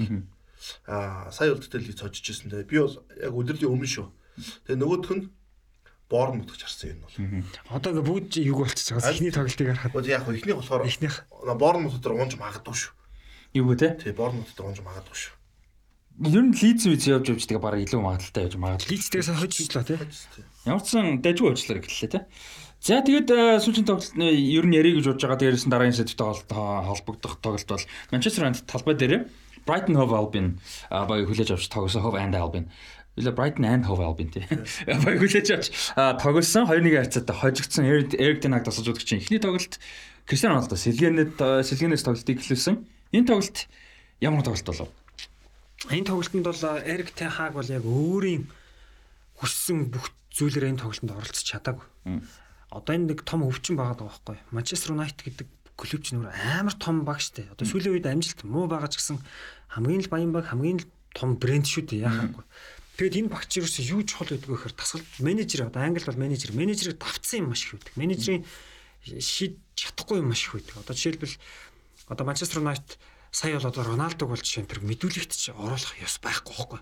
Яг нэг үг л. Яг үнэндээ л. Тэгээ одоо ингээд Манчестер Юнайтед пресизн 20 хоног ингээд Австралийн Таиландд очлоо тийм баг. Ингээд бахан явлаа шүү дээ. Энд Роналдо ирээгүй. За тэгээд ийм байж болохгүй те. Тийм хүнийг за хүнддэг шалтгаан байхгүй. За тэгээд нэг нөхцөл тоглолтод ирсэн ээ. Тоглолт дуусахаас өмнө тоглолтын дундуур тэний орхио яваад. Яг сэлгээр сунгахтай ийм хизээж байж болохгүй. Ийм ийм үед ерөөсөө ийм тоглогч мэдүүлэхт орж болохгүй байхгүй. Бүр мэдүүлэхт ч орж болохгүй байхгүй. Тэгэхэд энэ тоглогчийг оруулна гэдэг бол одоо энэ бол Эрик Тен Хагийн шийдвэр шиг бол ерөөсөө дээрээс л Роналдо байх ёстой л гэдэг. Тэгэхгүй бол энэ байхгүй бол явах гээд байна ч гэдэг юм уу те. Роналдо байж Премьер лиг эхлэн үзэгч үзэн Роналдо байх. Нөгөө нэг яг нэг техник талын юм нөгөө нэг бизнес юу талын юм хоёр ч ингээд хойлолдоод зөрчилдөд байгаа. Тэгээ өмнөх үед яадаг байсан бэ гэхээр ерөөсөө дасгалжуулагч нар ирээд ерөөсөө том тоглогчдыг дийлдэг байсан. Одоо нөгөө Ральф Франгник явахдаа хэлсэн шүү дээ. Ерөөсөө багт маш том өвчин байна. 10 тоглогчийг сольж иж энэ өвчин өөрчлөгдөн. Тэнгүүт ерөөсөө нэг Тенхаг хитгэн солилцсон байсан боловч тэр нь яг Тенхагийн хүссэн юм бол болж чадаагүй. Жишээлбэл түүний хагас Демагийг аваад гэхэд авч өгч чадахгүй. Одоо нөгөө хин хоёр те? Нөгөө хоёр. Макфред хоёр те? Макфред гэдэг бүр хошоо гарсан шүү дээ. Ерөөсөө энэ Тенхаг ингээл ерөөсөө юу тийм дутуул орсон. Тенхаг Юнайтед юмаа сайн ярьж чадсан уу чадаагүй юу? Эсвэл Юнайтед болгоно гэчихэд яг ч бас их дутуул орсон даа. Сайн нэг Арнотович гэдэг дээр нөө ярьж байгаа асуудал нь яг Арнотович нэг 10 гол хийж магадгүй л дээ. Гэхдээ зүгээр асуудал нь юусэн хэр нөгөө өмнө нь Ибрахимович 8, Галогийн 8, Фалкао тий яг нэг юм яарсан, сандарсан тэгээд ингээд нөгөө бүтэн Депай байна. Яг Депайг бас арай гайгүй нөгөө. Гэхдээ ер нь бол зүгээр ID нөхөр ингээд зунжангаа нэг хүнтэй зурлаад авч чадахгүй хямарч хямарч хямарч жагаад тэгээд нэг олцсон нэг хүнийг мөнгөөр зөд авч. Арсенал гэдэг өсөн шүү дээ. Тэгэхээр тэр яг асуудал нь гарч байгаа байхгүй тий. Тэгээ одоо Деонта сая амар томчж шүү дээ. Хичнээн удаан зууралдаа одоо уртал тий. Бид нар тэгээд яг өмнөд дугаараар хэлчихсэн. Манчестер Юнайтед хамгийн дөрөв шийдэх хэвээр асуудал төвийн хагас хамгаалтын асуудлаа гэдэг. Угаасаа яаж ч утсан Фред Мактомны өртөө удирлыг явна гэж байхгүй шүү дээ. Тэгээ Премьер лигийн дундаж төвийн хагасууд тундаж багийн төвийн хагасуудын өрөөс илүү тоглоно. Өнгөрсөн жил одоо Бисума Брайтон байсан гэж бодлоо. Премьер лигийн одоо юу гэж чи ингээд 20 баг байлаа нь 10-аас илүү нь бараг энэ хоёроос илүү төв явах хэрэгтэй байгаа шүү. Бага бага. Тэгэхээр Манчестер Юнайтед Нанчдын хэлж байгаа та бис 100% санал хэлж байна. Тэр бизнес талын оролцоонууд нь оржод ямар ч юм дээр бол Роналдо бол оруулж болохгүй байхгүй тэр чинь. Том нэр гэдэг утгаараа тэгээд идэг. Тэгээд одоо Эриктийн хааг айгүй их юу л яасан л баг л та. Одоо ранг ранг рангник пин нэрлэх гэж юм гэдэг. Заримд рангникийн буруу биш байгаа тоххой одоо ингэ харахаар тийм ерөөсөө тэр нэг багийн нэг системийг өөрчлөхөд хугацаа хэрэгтэй, мөнгө хэрэгтэй, бодлого хэрэгтэй. Тэгэхээр одоо яг юуд чи энэ дээр бол Эритэн хааг нэлээд зовх бах та зайлвал. Тэгээ тэрнийг зовоод нэг ард нь гарч чадах нь? Заавал үлийг хаях нь? Тэрээр нь бас нэг жоохон тий шарх сөрөвтэй хөлтөх нэг тий. Тий, тийм л юм болохгүй энэ Юнайтед бол асуудал их байна. Тэгээ довтлогч асуудал байна. Давцлагч яг гол оруулах маш болцсон байлээ те. Рашфорд өчтөрөл нэг гоолын цэвэр боломжтой алдчихсан. Хоёрыг яг нэг отон тоглолт байсан шүү дээ. 60 минут Роналдо нэг зэвэн ингээ отонгоос сууж гад яг отонд л тоо. Тэгээ гарч яд өгөнгөт Рашфорд алдчихлээ лээ. Нөгөө Испани хаалгачийг Санчес яг яг Роберт Роберт Алвар юу лээ? Яг Испани Роберт Санчес Роберто Санчес.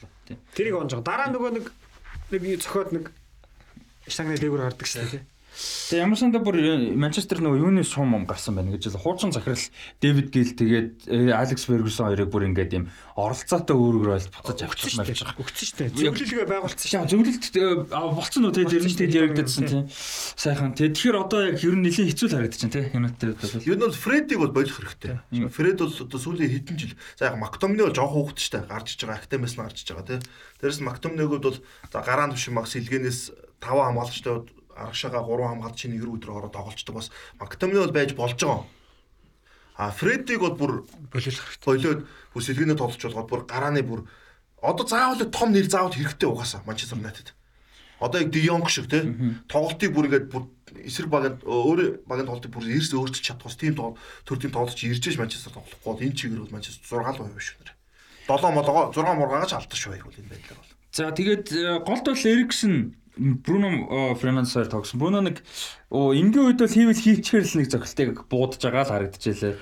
Эриксэн харин дажгүй. Юу нь Эриксэн аргашаага тогсоор найруулгатай болж ирсэн шүү дээ. Эриксэн. Гэтэ Эриксэн бол удирлын туршдад араас тоглохгүй л дээ. Нэг бол 4 3 3 гэж тоглох юм. Гэтэ тэгэхээр хэцүү.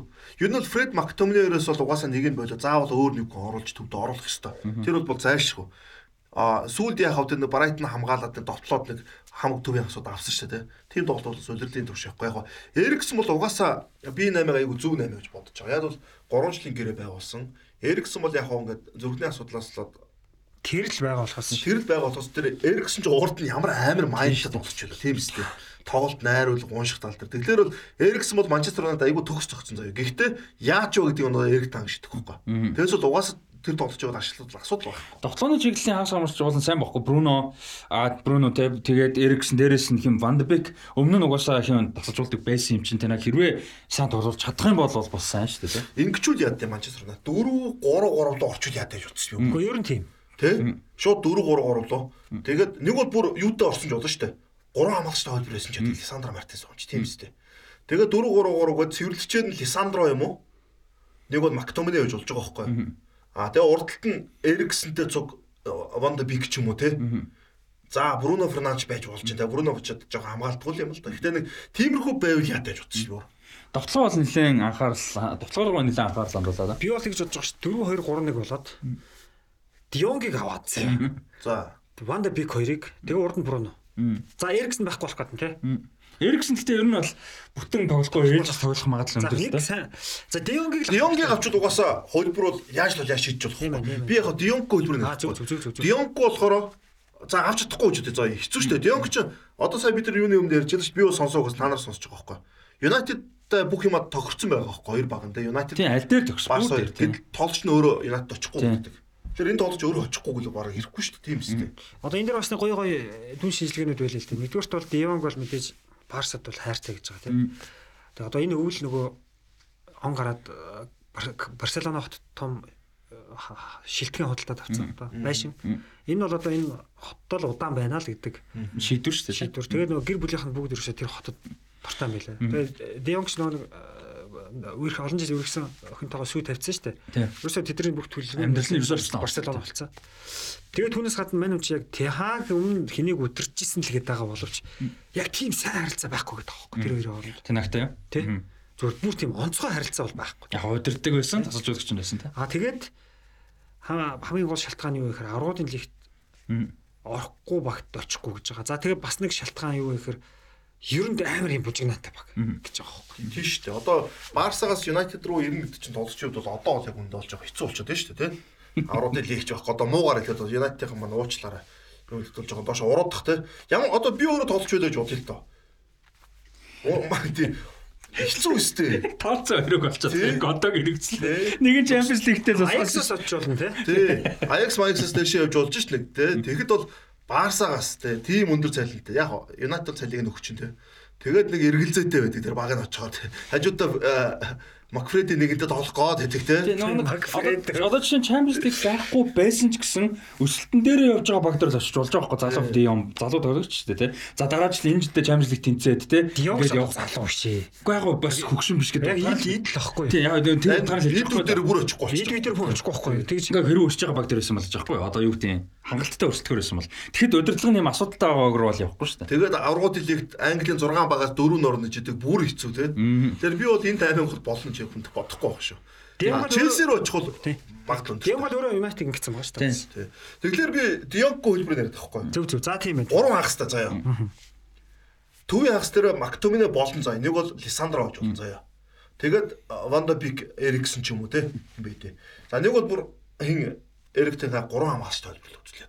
Лисандрого 3 хамгаалагч зүүн дээр тавьж өгөөл төвдөө Магвар Магуайр Варан ч юм уу те. Гэтэ тэгэхээр хамгийн гол нь хоёр win back байна уу? За за шоо, за шоо. За окей, шоо довтлон цай учраас тоглож ийн гэж бодъё. Баруун дээр тэгэхээр багч. Исака зүгээр дөрөв дээр чаддгүй win back-тай бүр далаач бүр алан штэ тэн дээр чинь. 70 Далаач win угаасаа back дээр- хамгаалдаг юм чинь. Тий, 70-ыг 70-ыг баруун руу тавьад Ван Бисака 3 хамгаалагчийн баруун дээр байхгүй. далаач угаасаа хамгаалдаг. Тий, хамгаалахгүй. Дөрөв дээр урагшаага. далаа довтоог дэмждэг дөрөв дээр буцахгүй болохоор тэнд алддаг байхгүй яг.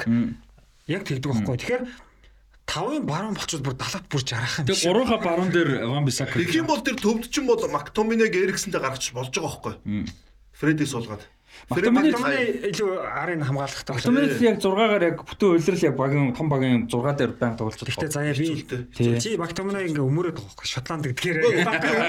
Шотландд нь ерөөс Нэргсэн, нэргсэн. Яг үндэ та нар бодлоо. Юнайтед төв яхас гэхээр байхгүй л байна л байхгүй болохоор тэгээд дээрэс нь өөрийнхөө академиас гарч байгаа энэ тоглогч залууган тоглогч. Уул нь Мактомино өөрөө болвол бокс то бокс илүү үүтэй сонирхолтой дээр Мактомины нэг Бокс то бокс амжихгүй яа тийм л дээ. Өөрөө сонсч ивэл гэдэг шиг Одоо тийм. Мактомины зүгээр яг харахгүй л сонголт болчиход байна л та. Тэгээд бүр ингээд тэгтэл Мактомины ер нь явандаа сайжрахгүй хөө. Тэр үн цаг олон жил тоглож шít. Бараг 4 5 дахь жилдээ тоглож. Одоо бодлоо.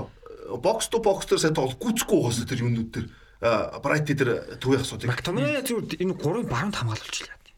Гэхдээ харин гурван баруун цаан хамгаалдаг байхгүй хараа. Би харин Тэр магвар өндөр тий. Магвар боож варан. Ер нь ер нь бол магварыг суулгах хэрэгтэй шүү дээ. За за Варан Яг Магуайртэй баг яхагчтай. Мактомине Лисандро гэх юм бол Мактомине Шотландын шид чинь 3 Хамгаалдаг хамгаалагч шүү дээ. баруун хамгаалдаг байхгүй. Гэхдээ харин Мактомине бокс то бокс амжихгүй. Би тийм учраас Мактомине хэрвээ тоглол бүр юунд тоглох вэ? Хошгоо тоглохгүй. Ер нь бол тэгээд Эрик Тен Хагийн нөгөө нэг ажиллаж исэн баг замналыг харахад тэгэл 4 3 3 л та. За 4 3 3 руу ороод үзээсэ. Тэгэхээр нөө Бруно Фернандчийг хаашаа их хүүгд асуул гарч иж байгаа байхгүй. Гэтэ Тинаг сая сүүл нэг э, хэд хэдийн анзаартай Тинаг бас нөгөө нэг зөвхөн нэг тактик ч юм уу нэг тоглогч дээр бас амар суурилдаггүй байгаа бодгологчтой амар хуурж ингэж тоглолдог гэсэн юу бас байсан л та статистик байсан л та. Яг тэр нөгөө 4 3 3 нь 70 эдөө шитрэхгүй бас 60 эдөөтэй. Тэгээ ингээд амар 4 5 4 2 3 1 тий. тий 2 3 1 гэдрээр амар хуурж Аа тоглодог. тэгвэл байна те. Тий. Тэгээ Арнатовчиг би болохоор нэг буруу гэж бас бодохгүй байгаа шүү. Хүмүүс яхаа вэ? Уул нь хоёр зүгээрээс тоглож штэ. Яг Зүгээрээс ороод ирнэ. Юнайтед яг ингээд оцгоогоор бас хөнгөө байхгүй. Яг нэг л үү. Роналдо, Марсел, Рашфорд, Санчо. Санч уушраа болоогүй. Кавани явна. Кавани явцсан шүү дээ. Бүүнес а юу Ривер Плейт рүү илүү Бокаар Тий, явцсан. яриад яриад Кавани явцсан. Манчестер Юнайтед бол байхгүй болсон байна. Тий. Альбис тийш арай дуусах байна. Тэгэхээр тийм хөгшин характертай. Арнатовч яг өндөө солилцоогоор гарч ирээд бас тийм хоосон байх тоглож биш шүү. Тэгэхээр бас яг байж болох сонголтохгүй хямдхан тий. Тэгээ угаасаа Дионгийн авч чи өөрчлөхгүй Манчестер Юнайтед яг энэ бүрэлдэхүүнээр бол Гэхдээ Рашфорд бол эвгүй болсон мөлий. Рашфорд тий Санчо Рашфорд дээр одоо тэгээд Аяксд дээр Антони дээр шиг яагаад тоглож ашиглаж чадахгүй байгаа юм тийм дээ. За Санчо бол энэ жил гайгүй тоглох За хөө. Кавани альбисээр явцсан юм биш үү? Явц явцсан би хэлсэн шүү дээ. Кавани, Матич, Погба явсан Погба. Мата Мата энэ дөрөв Лингард. байхгүй. Лингард энэ тав яваас яг үнэ. Бас сайн цэвэрлжлээ байгаа юм байна те. Ер нь бол цэвэрлж байгаа. Андреас Перера ч гэсэн бас Фулхэм руу явсан. Фулэм цай тоглож байсан шүү дээ. Тийм шүү. Сайн тоглож байсан. Уусаа дажгууд олох штэ зайлвал. Андреас. Тэгэд юу Андреас гэж хэлдэг шүү те. Андреас гэсэн манай тайлбарлагчаар. Андреас. Андреас Перера. Тэгээ надад бол угаасаа энэ төв дээр угаас хүн хасахгүй бол та нар бодолт яаж явах юм бэ? Тэгээ одоо ингэдэг байхгүй 4 2 3 нь Ронда бигч байрг болчиход байгаа байхгүй давхар. Тэ? 4 3 3 л хамгийн илүү хөлбөр болчиход байгаа юм да. Юу вэ? Юнайтед ч Хадлстоныг авсан юм шүү дээ. Тоглогч тасалжуулагч Том Харлстон уу? Би тасалжуулагчийг нь харсан байхгүй Том Хадлстоныг. Андер 21-ийн тасалжуулагч тоглож байхгүй шүү дээ. Церковч гэж авсан юм байна. Хаа ер Тим нь статус байхгүй шүү дээ. Мэдгүй тэгж яасан дээ. Бүртгсэн биш. Дасгаж удаж чухуу. Наа ч угаас одоо тоглосон ч байх. Тийм Том Харлстон уу? Сая хоол өнгөрсөн үйл хоол сити тоглосон. Наа ч амжихгүй амжихгүй. Юнайтед яа. Одоо Юнайтед арайч тэ. Төвийн хасаар хүн ав- авлаа шимжлээ тав мадстоныг авах тэ. Амар бүдүүн бохос наач одоо. Яг сая ч тоглож л байсан л да зодог бол тайлаг бол байгаа л да. Аа. За Юнайтед тэгээд нэмээд нэмээд Энэ үлрэл яана гэж бодож байна. Э одоо Дөрвөн өрсөлдөд хэцүү. Ай, хэцүү хэцүү. Төвийн хас авахгүй бол угаасаа хэдүүлээ ярьжсэн. Юнайтед төвийн хас авахгүй бол угаасаа дээшээ үзэхгүй. Арсенал ч барахгүй шүү. Сайн дээр Брайтон бол сайн баг штэ. Угаасаа би энэ тоглолтын дээр Брайтон бол эвгүй гэж харж ирсэн. Өмнөх өдөр сайн тоглож штэ. Грэм Поттер угаасаа ямар дасгалжуулагч вэ? Мундаг дасгалжуулагч байлаа, Үнэхээр мундаг дасгалжуулагч байхгүй. Тэгэхээр Брайтон бол Премьер Лигт бол угаасаа Арслангийн ангуучид шиг томчуудыг юу нусчдаг баг штэ. Яг айгүй том бас юу авлаа Юнайтед цогцолд. Одоо Тен Хаг сайхан өөрчлөлт шүү дээ. Роналдо одоо буцаа гар нь харчлах цай гарааны хурдтан дээр. А андер Тэгээд 21-ийн хаагч нэг өөр өөрө байж чадахгүй л. Харин өөрөөр тоглох боломж нь байхгүй байна те. Нөхцөл нь бүрдэх. Өнгөрсөн үеэрлэлд нөгөө United Brighton-ыг амар хожигдсан шүү дээ. Нэг Дөрөв тэгэр те. Тэгэхэд бол зүгээр зөвхөн тоо биш. Ерөөсөө нэг чанар бол Brighton United шиг тоглоод байгаа хөөхгүй те. Мм. Бүр ингээд нэг юм байран солигдсон те. Хадстон юм шиг андер 21-ийн тоглох шат тусалж болох юм биш үү? тийм тоглож байгаа яагаад Аа. За тэгээд United хувьд л иймэрхүү байна. Унах багуудыг сая таамаглаж бас үзлээ. За төрүүлэх багууд дээр өмнөх яриануудыг бол ярьж исэн. За Франц лиг Бундслигийн хувьд бол бас сая ярьсан. За дараагийн онцгой мэдээд Serie А болон Итали э, юуны Испани Ла Лиг эхэлсэн байна. Тэгэхээр бас тэрийг нэмээд яриад явна. За тэгээд Европын топ 4 5 лигийн одоо дөрвийг нь Монголд тусах ингээд аль бис нэртэй үзэх бас боломжтой болж байна. Хоёр өөр суугаар бас гоё те. Яг ийм хэмжээнд ер нь хүрчээлөө. Яг дөрөв бол байгаагүй те. Түүхэнд байгаагүй те. Аль бисний хэмжээнд. За энэ бол бас ингээд түүхэн гоё үйлрэл бол аа Спанч саяхнаас эхэлсэн. тий Испанч одоо 2 жилийн өмнөөс эхэлсэн шүү Тэр дээ. ач нэг болоод нэг аваад тэгэл явчихсан тийм. Бундслиг Премьер лиг өөрөө яг Премьер лиг олон жил жоо Бундслигээс гарч байгаа. Тэгэхээр түүхэнд анхудаа ингээд дөрвөн лиг доктортой гарах нь бас гоё. Аа боломж эхэлж байна. Бидний подкаст манай ч гэсэн бас гоё боломж гарч штэ тоглолтод онцлогдсон ярих. Одоо жишээ нь сайхан ингээд нэг 108 антер ярьж байхдаа одоо юу гэдэг юм А Чумэний Францын лиг л дээ. Гэхдээ одоо Чумэний ч юм уу юу гэдэг одоо Скамака жишээ том Скамака тоглосон те. Жишээ нь. Тий, Скамакас тоглосон шүү дээ. Тэгэхэд одоо ийм тоглолтыг бид нэр ингээ ярахад одоо тогтмол үзэх боломж байхгүй ихэнхдээ YouTube-ээс ч юм уу эсвэл бусад аналистууд юмнуудыг харж яадаг бол одоо бид нар ингээд бусад одоо Италийн те Франц, Испани, за Англи, Герман энэ лигүүдийн тоглогчтой ингээд 7 7 хоногор үзээд явах боломжтой болж байгаа нь бас урамтай. Гоё юм. Serie A үзнэхэр бас гоё биш. Би бол ухраагаа үзчихчих. Яг шөнийн тоглолтод үл үздэг 3 цаг мөн. Өглөө босоод ямар ч үр дүн арахгүй сайхан яг ихнээс нь тоглолтод үзчихэж байгаа. Тэр жил нэг гоё юм нэг яг зүгээр юу нь гоё вэ гэхээр ковид гараад 20 онд 3 сараас эхлээд бүх бүз зогссон шүү дээ. Тэнгүүд яг 5 сард Бундслиг эхлээд нөө 6 сараас Ла Лиг, Премьер Лиг гэл эхэлсэн шүү дээ. Тэгэхээр өдөр болгон тоглолттой. Тий. Нэлээд хоёр тоглолттой. Нэг цагаас нэг тоглолт гарна, гураас нэг тоглолт гарна. Ерөөсө өдөр болгон хүлийн бүхтэй байна гэж бас гоё юм байл шүү. Тэгээ ажлын хүн ч болно тийм. Өдөр нь гарахгүй сайхан унтаал тийм. Пандемиктэй үед л Өдөр нь ажилтаа бол тэгээ баларлаа тэр чи тийм. А за тэгээд а юу дэмжиж ажиллаж байгаа бид нэр зураг авалтаа хийдэг рекординг хийдэг. Аудиог сонсож байгаа хүмүүст бол бид нэр рекординг аудиогоо хийдэг. А Web Sports Lounge хамт олонд бас баярлалаа. Та бүхэн ирж үйлчлүүлээрэ хаан хийс болон Square-ийн яг дунд байгаа Square-ийн хамгийн баруун талын байр 506 дугаар байрны баруун талд нь Web Sports Lounge байгаа шүү. Тэгээд караокетэй Lounge PS PlayStation тоглох боломжтой. Нөгөө юм том чинь юу гэдэг хөл хөл билар. Стук бол гэдэг юу лээ. Тийм хөл бильярд гэх юм. Одоо ингээд том талбай байхгүй. Тэрэн дээр нь ингээд домсомж гараад бөмбөгөөр ингээд хөл бөмбөгийн бөмбөгөөр бильярд тоглож болно. Тийм. Каракинод гоё юм бэлээ. караоке нас гоё. Бидэд одоо ингээд караоке өрөөнд нэг өрөөнд нь шээ. Яг караокегээр нь. Манай тулгаа энэ расти өрчим бол ер voice орохоор хэмжээний хоёр амар амар дуучтай лээ тийм нэмжтэй. Амар. Тий. тий. Аа, Тэгээд ямар ч хэлсэн караоке өрөөнд үйлчлүүлээрээ тэгээд аа тий. Юу хийж ялаа. Маш каракинос би зүгээр яг өмнө хэд хэдэн каракод мэдээж орж үзчихлээ. Гэхдээ энэ каракогийн микрофон үнэхээр цээл юм бэл амар гоё сонсогдсон бэл те. Дуурлал байгаа шүү дээ. Үнийн Өстэй ганц юм. юм. Амар сурчлага таваад. Тэгээд Тэгээд юу юу оо би юу нэмэх гэж да. Юу манайх нөө подкастын нөө хүмүүсээ дүрстэй мөрстэй болгоцсон. Бид нар бол ерөөхдөө нэг дүрстэй юм хөтэ болгож бодохгүй байгаа тийм. Яг ингээ дандаа сонсдог юугээрээ явсан. Нэгдүгээр тэр чинь ажиллагаа багтай. Бид нар ч гэсэн ингээд хийгээд амар хоёрдугаарт ингээд та нар ч гэсэн ингээд сонсоо явж одоо ингээд үдчихэж байгаа юм чинь тийм дээ. Тэгээ дээрэс нь нөгөө нэг production ажиллах хэрэгтэй болно. Бүтэн баг ажиллах хэрэгтэй болно. Чи editor байх хэрэгтэй болно. Эвлүүлэгтэй инженер айгу олон юм ажлын байр гарах хэрэгтэй. А тхийн тулд бид нар чи мөнгө гаргах хэрэгтэй. Тэгээ бид нар одоо зүгээр ингээд өөрсдийнхөө цагаар цагаа мэдлэгээд одоо боломж сайхан яг цаг цаваа зохицуулаад бид чинь ингээл уулзаал ингээл таллаасаа нийлээл ингээ сайхан Яг бол нөө дөрүүлээ телевизт ажилтдаг болох тийм. Дөрүүлээ телевизт нэг газар ажилтдаг болсон хүмүүс аа юу л юу гэж болж байгаа тийм. Тэгээ тийм болохоор тэр байхгүй наа. Дээрэс нь энийг подкаст гэдэг санаар. Тэгээ эн чинь ер нь бол дүрс оруулсан ч гэсэн маш бага оруулна яванда. Ер нь бүр ингээ маш олон гой үзэгчтэй болоод амар гой тогтсон ч гэсэн зөвхөн цөөхөн хэдэн статистик ч юм уу зарим нэг граф 8 юмнууд гаргах гэж л оруулна гэхээс олон төрс болохгүй энэ ч өөрөө подкаст. А, Гэхдээ бидний хүсэж байгаа нэг юм юу вэ гэхээр бас одоо 11 дугаар явцсан ч ухаалцахад энээс гадна жижиг контентуудтай болно гэсэн зорилго бол байгаа тий. Одоо анализ байд юм уу, тайлбар байд юм уу, богинохон цөөхөн минутын тий. За тэднэр нь бол харин илүү гоё графиктай байдаг ч юм уу ядаж мэдээлэлтэй тий. Ийм байх одоо зорилго бол мэдээж. Ер нь бол бас дэлхийн нийт ч бас ийм болоод ш. Одоо юу гэж чинь хөнгө юм үзэл бүхэлдээ 2 3 цаг юм үзээд ингээд суух айгу за юу болчих жоох хөө тий. Завч л байж. Завч хэлэв. Одоо үнэхээр хөл өмгийн тоглолт ч юм уу, кино ч юм уу үзэхгүй бол аа яг тийм дүрстэй нэвтрүүлэг нэвтрүүлэг үзэн тохол энэ тэгж удаан үзнэ. байх. Машинд явж байгаа ч юм ямар нэг юм хийж байгаа хажуугаар сайхан юмаа сонсоод тийм болдог учраас бид нар бас энэ формат руу орсон гэдэг бас манай үзэгч бас ойлгоорой. Тэгээ дээрэс нь хүмүүс айгүй их нөгөө тоглолтуудын хайлайт дүрсийг асууж. Тэр бол байхгүй.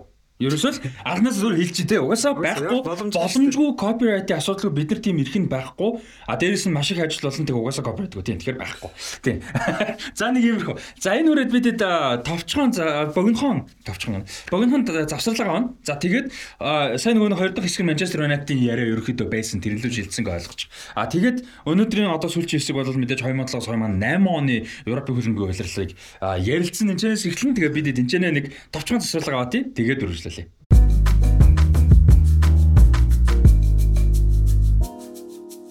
За тэгээд өнөөдрийн сүүлчийн хэсэг бол мэдээж 2007-2008 оны Европ хөлбөмбөгийн улирал байгаа. Тэр улиралд аврагд лигт United төрүүлсэн. Тэ сая United гэснээс шинэ мэдээлэл гарсан байна. Адриан Рабиук ер нь бол авах талаар нэлээд одоо цаашд нь л орсон юм байна те төвийн ахс дээр. За одоо Адриан Рабиук юу авч ийн гэдэг бол United хэрэг авахар болох юм бол Дион Чесер явах одоо бүр тодорхой болж ин гэсэн үг те. Би одоо зүгээр Рабио гэснээс нэг шал өөр юм ярьж байгаа. Би одоо мэдээж багаас нь л мэдэн штэ тий заяв дээр. Би чамаг Рабиотой амар адилхан гэж боддоо штэ. Рабио ингээл хаяа харангуй чи санаанд ордоо штэ. Рабиотой солгоолтууд бас цалин дийлдэхгүй тий. Тэгээ United бол цалингийн дийлэхгүй гэсэн асуудал байхгүй шүү. Айлын ирэх хүүхд дээрээс нь. Тэр тэр ихтэй их сонир асуудал те. За яг мэдээж ирэх хүүхд ч юм уу янз бүрийн байж олон гэр бүл юм. Гэхдээ тэр бүр ингээд ээж нь За манай дуусчихсан сонсчихсан сонсож байгаа усаа мэдгүй. Гэхдээ бүр ингээд өдөр тутмыг нь юм руу ээж нь оролцдог. Paris Saint-Germain ингээд бэлтгэлийн хийлэгдэг байсан гэж юм. Ингээд бэлтгэл дээр нь ээж нь ирж зогсчоод ингүүлсэнгүү тэгүүлсэнгүү ингүүл тэгүүлгээ зогсоод байдаг. Тэгээ нөгөө хэд тоглогчдын чинь насан туршсан те саядун том хүмүүс бүр ингээд гайхаад сууж юу үж одоо тавтай хүүхдийн бэлтгэл дээр байгаа мó юу болоод байгаа ингээд гайхчихдаг байсан гэдэг. Харин авиасууд бол аюу авцаад амжилттай тэгээд ээж бол одоо арай л юу юм бэ. Тэгэд нөө нэг том ер нь нэг амжилттай нэг яваг штэ хүлээлтэнд бол хүрээгүй нь. Тэгээд том багууд бас яг мэдээж Paris Saint-Germain Juventus тоглосон. Гэхдээ юу гэдэг чинь нэг тийм өөр багуудад яригдах хүртэл баг байдаг. Тэрний том шалтгаан яг тэр юм лээ. Нөгөө дагаж ирдэг асуудал юмнууд амар их байдаг. Ээж мэжтэй холбоотой эрзэлж үчих асуудал. Одоо тэгээд нөгөө нэг асуудал гарч штэ нөгөө нэг юм олдохгүй тэгэл нэг эцсийн бүлэгт авахар асуудал болдог гэдэг. Магадлал өндөртэй те. Би бол ер нь фейлдэх те. Тэгээ фейлдэх магадлал өндөртэй өндөртэй. Авиасууд бол цааш үнэхээр цөөхөн хэдэн сайн тоглолтууд дээр сайн тоглосон тохиолдлууд байгаа. Тэр нь хүмүүс хараад авиастай нэг чардаг. Гэтэ бүтэн үлрэл Рабиоттой явдаг бол бас амаргүй шүү. Тий. Яг ер нь бүтэн үлрэл дагнаж сайн тогсоодаа бараг байхгүй. Энэ бол тий. А яг тийм үн чинь угаасаа сэтгэл зүй аюу асуудалтай байгаа шүү дээ. Ойлгомжтой ш тийм шүү дээ. Нүл стресс уус. Тийм стресстэй үн чинь бол бүтэн үлрэл тэгж юу тоглох бол хэцүү. Тэгээ одоо ийм нөгөө өдөртлөг зэгцтэй зохион байгуулалтын асуудалтай байгаа United-д тийм асуудал нэмэх хэрэг байна уу гэдэг. Хүн авахгүй болохгүй чи яаж аавн л та надад. Тэгсэн дөрвөл ари авиас левелээр доогуур гэхдээ асуудал багтан авчруулаад яриад. Одоо чинь надад хин санаанд орж ин л дээ. Эдвард Мендиг 8-ыг алгач л та. Гэтэ нэг тийм хүмүүс нэг тооцоолоогүй мэдээгүй айгүй цэвэрхэн гой 8 байсан шүү дээ. Тэгээ чэсэд одоо айгүй мундаг. Тэр шиг нэг тийм скаут левел муу агаад байна одоо. Бас сонирм тий. Муу муу. За United-ийг нэмэр доосон. Манай United фэнүүд одоо бас нэлээд бухимдал руу орж байгаа. За хэдүүлээ United-ийн баярлахаар юм дээр ярьсан мөлий за мэдчихлээ. За. Тэр баярлах шиг дөрөв орё. Тэгээ 2007-8 онд бол United фэнүүд баярлах гой үйлрэл түүхэн ер нь гой үйлрэлүүдийнх нь нэг байсан. За тэгээд тэр байлаа. Гэхдээ Rastich их гой United гэдэг хоёр дахь сэдв сонгож шít нэг United яг энэ дээр мэдээж энэ сэдв дээр мэдээж бас сайнаар ярихгүй шүү. Тэнгүүд одоо ингээд цайруулж байна те. Гой сонгосон юм шүү. За 2007-оос 2008 оны үлрэл гэдэг бол бас гоё үлрэл л да. За 2007 оны 100 бол бас мэдээж Европын хөлбөмбөгт бол олон 8 явсан байгаа. Гэтэ эндээс бол хамгийн онцлог хид хид 8-ыг бас за бүгдийн дуртад одоо яах вэ? Хамгийн гол 8 бол одоо Испани Атлетико Мадридаас алтан жаал Фернандо Торресыг Испани төдийгүй Европын маш олон баг сонирхдаг байсан. Тэр 100 Рафаэл Бенитес бол түүнийг бол ятгаж бас чамгүй өндөр үнээр 30 сая фунт гэдэг баха. Тухайн үед бол бас сайн мөнгө шүү. 30 сая фунтын үн хүрч Фернандо Торрес Ливерпул клубт бол очиж байлаа. За энэ 8-аас одоо юу гэдэг Атлетико ч гэсэн бас их хоцсон. Бас том тоглогчийг явуулаад тэр авсан мөнгөөрөө Атлетико бол бас хид хідэн сайн тоглогчийг авч улмаар аврагуудын лигийн ирэхийг бол олон жилийн дараа авч исэн тийм түүх бол байгаа. За түүнээс гадна 2007 оны бас нэг онцлог 8 бол одоо Франц товтлогч Терри Анри Арсенал клубээ орхиж Испани Барселонад бол очиж байла. За Барсад яхаггүй Барса бол тухайн үед бас бас л гоё байсан үе. Тэгээд Анри бол яг орхиж тэгээ баг орчихсон. Тэгээд авч чадаагүй ганц том цом авах гэж явсан шүү дээ. Цомоонтой явсан шүү дээ. Аврагын лигийн төлөө бол яг явж исэн. За тэгээ Анри юунд очингот Арсеналаас Барсад очингот Арсенал оронд нь Эдуардо да Силва Хорватын Динамо Загребаас аваад а Динамо Загреб Эдуардо да Силвагийн оронд Марио Манжукич нэг Загреб гэж багаас авч ингэж шат шатнд ингэж өөрчлөлтөд яв. нэг тийм зүйл бол болж исэн бас их сонин сонин зүйл бол байгаа. За тэгээд За тэгээ манай хоёроо дөрвөлжлүүлэн дээ. 7 он гэдэг чинь юу вэ? 8 болчихоо. Гол гол 8 бол юм. Тэгээ яя төрөө очдөг те тэр чи Барса дээр те. Барса бол яя төрийг авдаг, Камрыг авдаг, Капиталыг авдаг. Бусад 8-нууд бол мэдээж байнга явж байгаа. Ер нь Гордиолагийн бүрэлдэхүүний бас чухал тоглогчдыг зарим энэчнээс бол авч гисэн байгаа гэсэн тэ. За тэгээд юу байсан? 2007-оос 8 оны өдрөл гэдэг бол Месси Роналдо гэдэг одоо хоёр суперод яг одоо нэг жигэн дийлдэхэ болсон одоо эхэлсэн шүү дээ тий. Одоо хамгийн сүүлийн хүн гэдэг бас каках чинь тавин шагнаас тий. Тэгээ үнэхээр одоо хөл өмгийн түүхэнд бидний хувьд одоо амар азтай байх юм уу тий. Яг ийм хоёр дэлхийн супер одыг бол өмнөх үед харааг бах. Марадона, Пеле дээр дандаа өөр өөр үед тоглож исэн тий. Яг нэгэн зэрэг бүр ингэж бие бинийг орцолж балландорыг бүр ингэж авдаг тий. Энэ бол одоо үед чинь бидний хувьд бол үнэхээр үзэж бол хайгуу одоо хамгийн гоё юмнуудыг л үзсэн л дээ. Ийм өдрөл бол миний хувьд бол болсон. За тэгээд юу Манчестер Юнайтед удирлаж шууд аврууд хэл хэрэгэлчихдэг тийм. Аа за аврууд лигийн хувьд бол их гой гой юмуд бас гарч ирсэн байдаг. За яагаад гэх юм бол Манчестер Юнайтед бол юу болсон? Аа Роматай нэг хэсэгт ороод гарч ирээд дахиад Роматай тоглоод. За яг юунууд ингээд хэсгийн тоглолтууд бол нэг нэсүүд тоглоо. А шүгэ 16 руу ингээд ороод ирэхээр хамгийн гой тоглолт надад юу тоглолт нөө Фенербахч Севилягийн тоглолт хүмүүс төдийлэн сайн анзаардгүй боловч хамгийн гой тоглолт. Босд нь бол яг ингээд Милан, Арсенал дээр Ливерпул, Интер, Интер гэж таарж байгаа шүү дээ. Реал юудэд таарлаад ирч 16 дэрчээ. Рома точигдтээ. А Рома точигдчих яг үнэ. Реал ч Рома точигдоод. Тэгээд Фенербахче Севиля өрөөд бол айгүй гой тоглолт. Хоёр талдаа 3-2 3-2-оор дуусаад нийт тэр ч одоо маш ховор юу штэ. Ховор тохиолдох шүү дээ. Тийм. Тэгээ тэр жилийн Севилийн ямар өөрөө амар байлаа. Өмнөх жилийнхаа Европа лигийнхаа авраг авцсан те. Севиа ч нэг хэсгээс нэгээр гартаа. Севиа ч Арсеналтай нэг хэсэгт ороод би уг нь яг зүгээр Арсеналын хэсгээс нэгээр гарчаасаа гэж бодож байсан. Тэгээд Арсенал тэргүүлж явж байгаа 5 дугаар төрөлт төлөө Севиа дөрөв хожигдтыг. Тэгээ Арсенал 20 гаад Севиа нэгээр гангуудаа Фенертад харах. Харин тий. Тэгээ Фенер тэр өдрлийг аягуулсан ахлуулдаг шүү дээ. Тэр Алекс гэдэг нэг бариц солгоо барьцэл те. 7 он чинь Фенер гоё ихэлтий одоо Роберто Карлосыг авчтай. Роберто Карлос Апиа Апиа Стефан Стефан Стефан Апиа тэгтээ сэлгээр доож гинтчдэг баха. Дундуур догдчихлоо. Угуур бораал шинтүрк Семи шинтүрк. Семи шинтүрк. Матэ Кэшман байсан маань тэр. Матэ Кэшман байсан тоглох чинь. Тэгээд Вулкан Демирэл хаалгах чинь. Сайн нэг Бразилд хэм лээ. Дэвид бас байсан тоглогч. Дэвид гэж нэг 99 дугаартай Дэвид байсан яг үнэ. Алекс 20 дугаартай найруулагч. Тийм найруулагч. Найруулагч тийм солгоо найруулагч настай. Тэгээд тийм байсан. Нөө Фаби Аврелиг нөө Турк шид 8 оных Европын ордор гараанд тоглолт нөхөр байгаа шүү дээ. Аврелио зөв зөв Ливерпул авах шүү дээ. Тэр Аврелио ш өөр нөгөө Аврелио санагдаад байгаа юм. А тийм өөр Туркийн шгшээгийн. Турк нэг Европын орд 8 онд нэг алдсан шүү дээ. Тэг чин нэг хард барьжил тоглолт шүү дээ. Би андуураад нөө. Казим Коллинс Ричардсыг андуураад. Казим байсан байсан. Казим ч бас одоо энэ финер багчаад байгаа байхгүй юу? За ямар ч авирал бид бол андуураад байна заяа. За хамгаалтанд төвийн ахс дээр бас хим юм байсан мэн Лугано энэ байсан шүү дээ олон жил шүү. Тий Лугано яг нь одоо яг санаж. Лугано ч бас олон жил тогсон. Тэгээд тэр жилийн Фенербахч Севилийн өрөө амар том угаасаа хоёлаа айгуу сайн тоглож исэн. Тэгээд шүглэн 16-ад гарч ирээ. Тэгээд Севилийн бүрэлдэхүүн бол өнгөрсөн дугаар төрдөл ярьсан шүү дээ. Амар бүрэлдэхүүнсэн дээ. Канад манад одоо бүгд байсан дээ. Дааны халуус бараг тэр жил явж гинөө. Тийм тэр одоо энэ сүүлийн жил нөхгүй. Энэ үйл дээ. Дани Дани халуус тэр UT-сэн тоглолтод стандарт төсөл нэг гол хийдэж шүү дээ. Даны адас Роберто Карсор хоёртлоо би бинээс тулж байгаа шүү дээ. Тэгээд Фенербахч Севилийн хоёрын тоглолт айгүй гой тоглолт болоо. Тэгээд 3-2 3-2 дуусаад тэр 11 дээр чи Волкан алдаг хөхгүй Волкан дэмэрэл Турк шиг. Тэгээд Севилийн амарцсан юг очиж байгаа. А Севильяг Фенер багч орж байгаа. Тэгээ шүгэн юу л орж иж байгаа. 8 л орж байгаа. Энэ бол Туркийн багуудаас тэгж амжилт гарсан бол миний мэдхээр бол Галатасарай байна да. Хамгийн дэше явсан те. 2000 Нөгөө нэг Снейдер Дрогбата Галатсарай чинь нэг сайн яваа өстэй. Тэр тэр хэлт 14 он. 14 он тий яг ер нь тэр тэгтээ 8 л үлдсэн юм уу? 8 төлцсөн. 8 л болсон тий. Тэгээд ямар ч хамгийн гой тоглолт нэр болсон. За Ливерпулийн хувьд бол Интерийг бол Интер чинь Италийн лигт алж исэн хүртэл Ливерпулийн эсрэг бол нэг хин Матрасич л улаан авчдаг шүү дээ. Улаан авдаг. Тэгээд энэ тоглолтын өвдөж юу Интер жоохон юу гэдэг юм уу? Гороо гороо тоглолт юм. Тий, айгүй гороо тоглолдог. 2-0-оор талбай дээр тэнцдэг үлөө. Тэгээд Ливерпул хожигдчихсан юм аа шүү. Ливерпулийн талбай дээр 2 тиг аа тэгээд Интерийн талбай дээр 1 тиг. Тэгээд угаасаа Ливерпул хадгалж илүүрхчтэй. За тэгээд Челси бол амар өсөн тухайн жил бол За өөр чинь шүгэ 16-аар Баян Мюнхен За Баяр нь бол байхгүй. А Баян ч Европ лиг. Тий.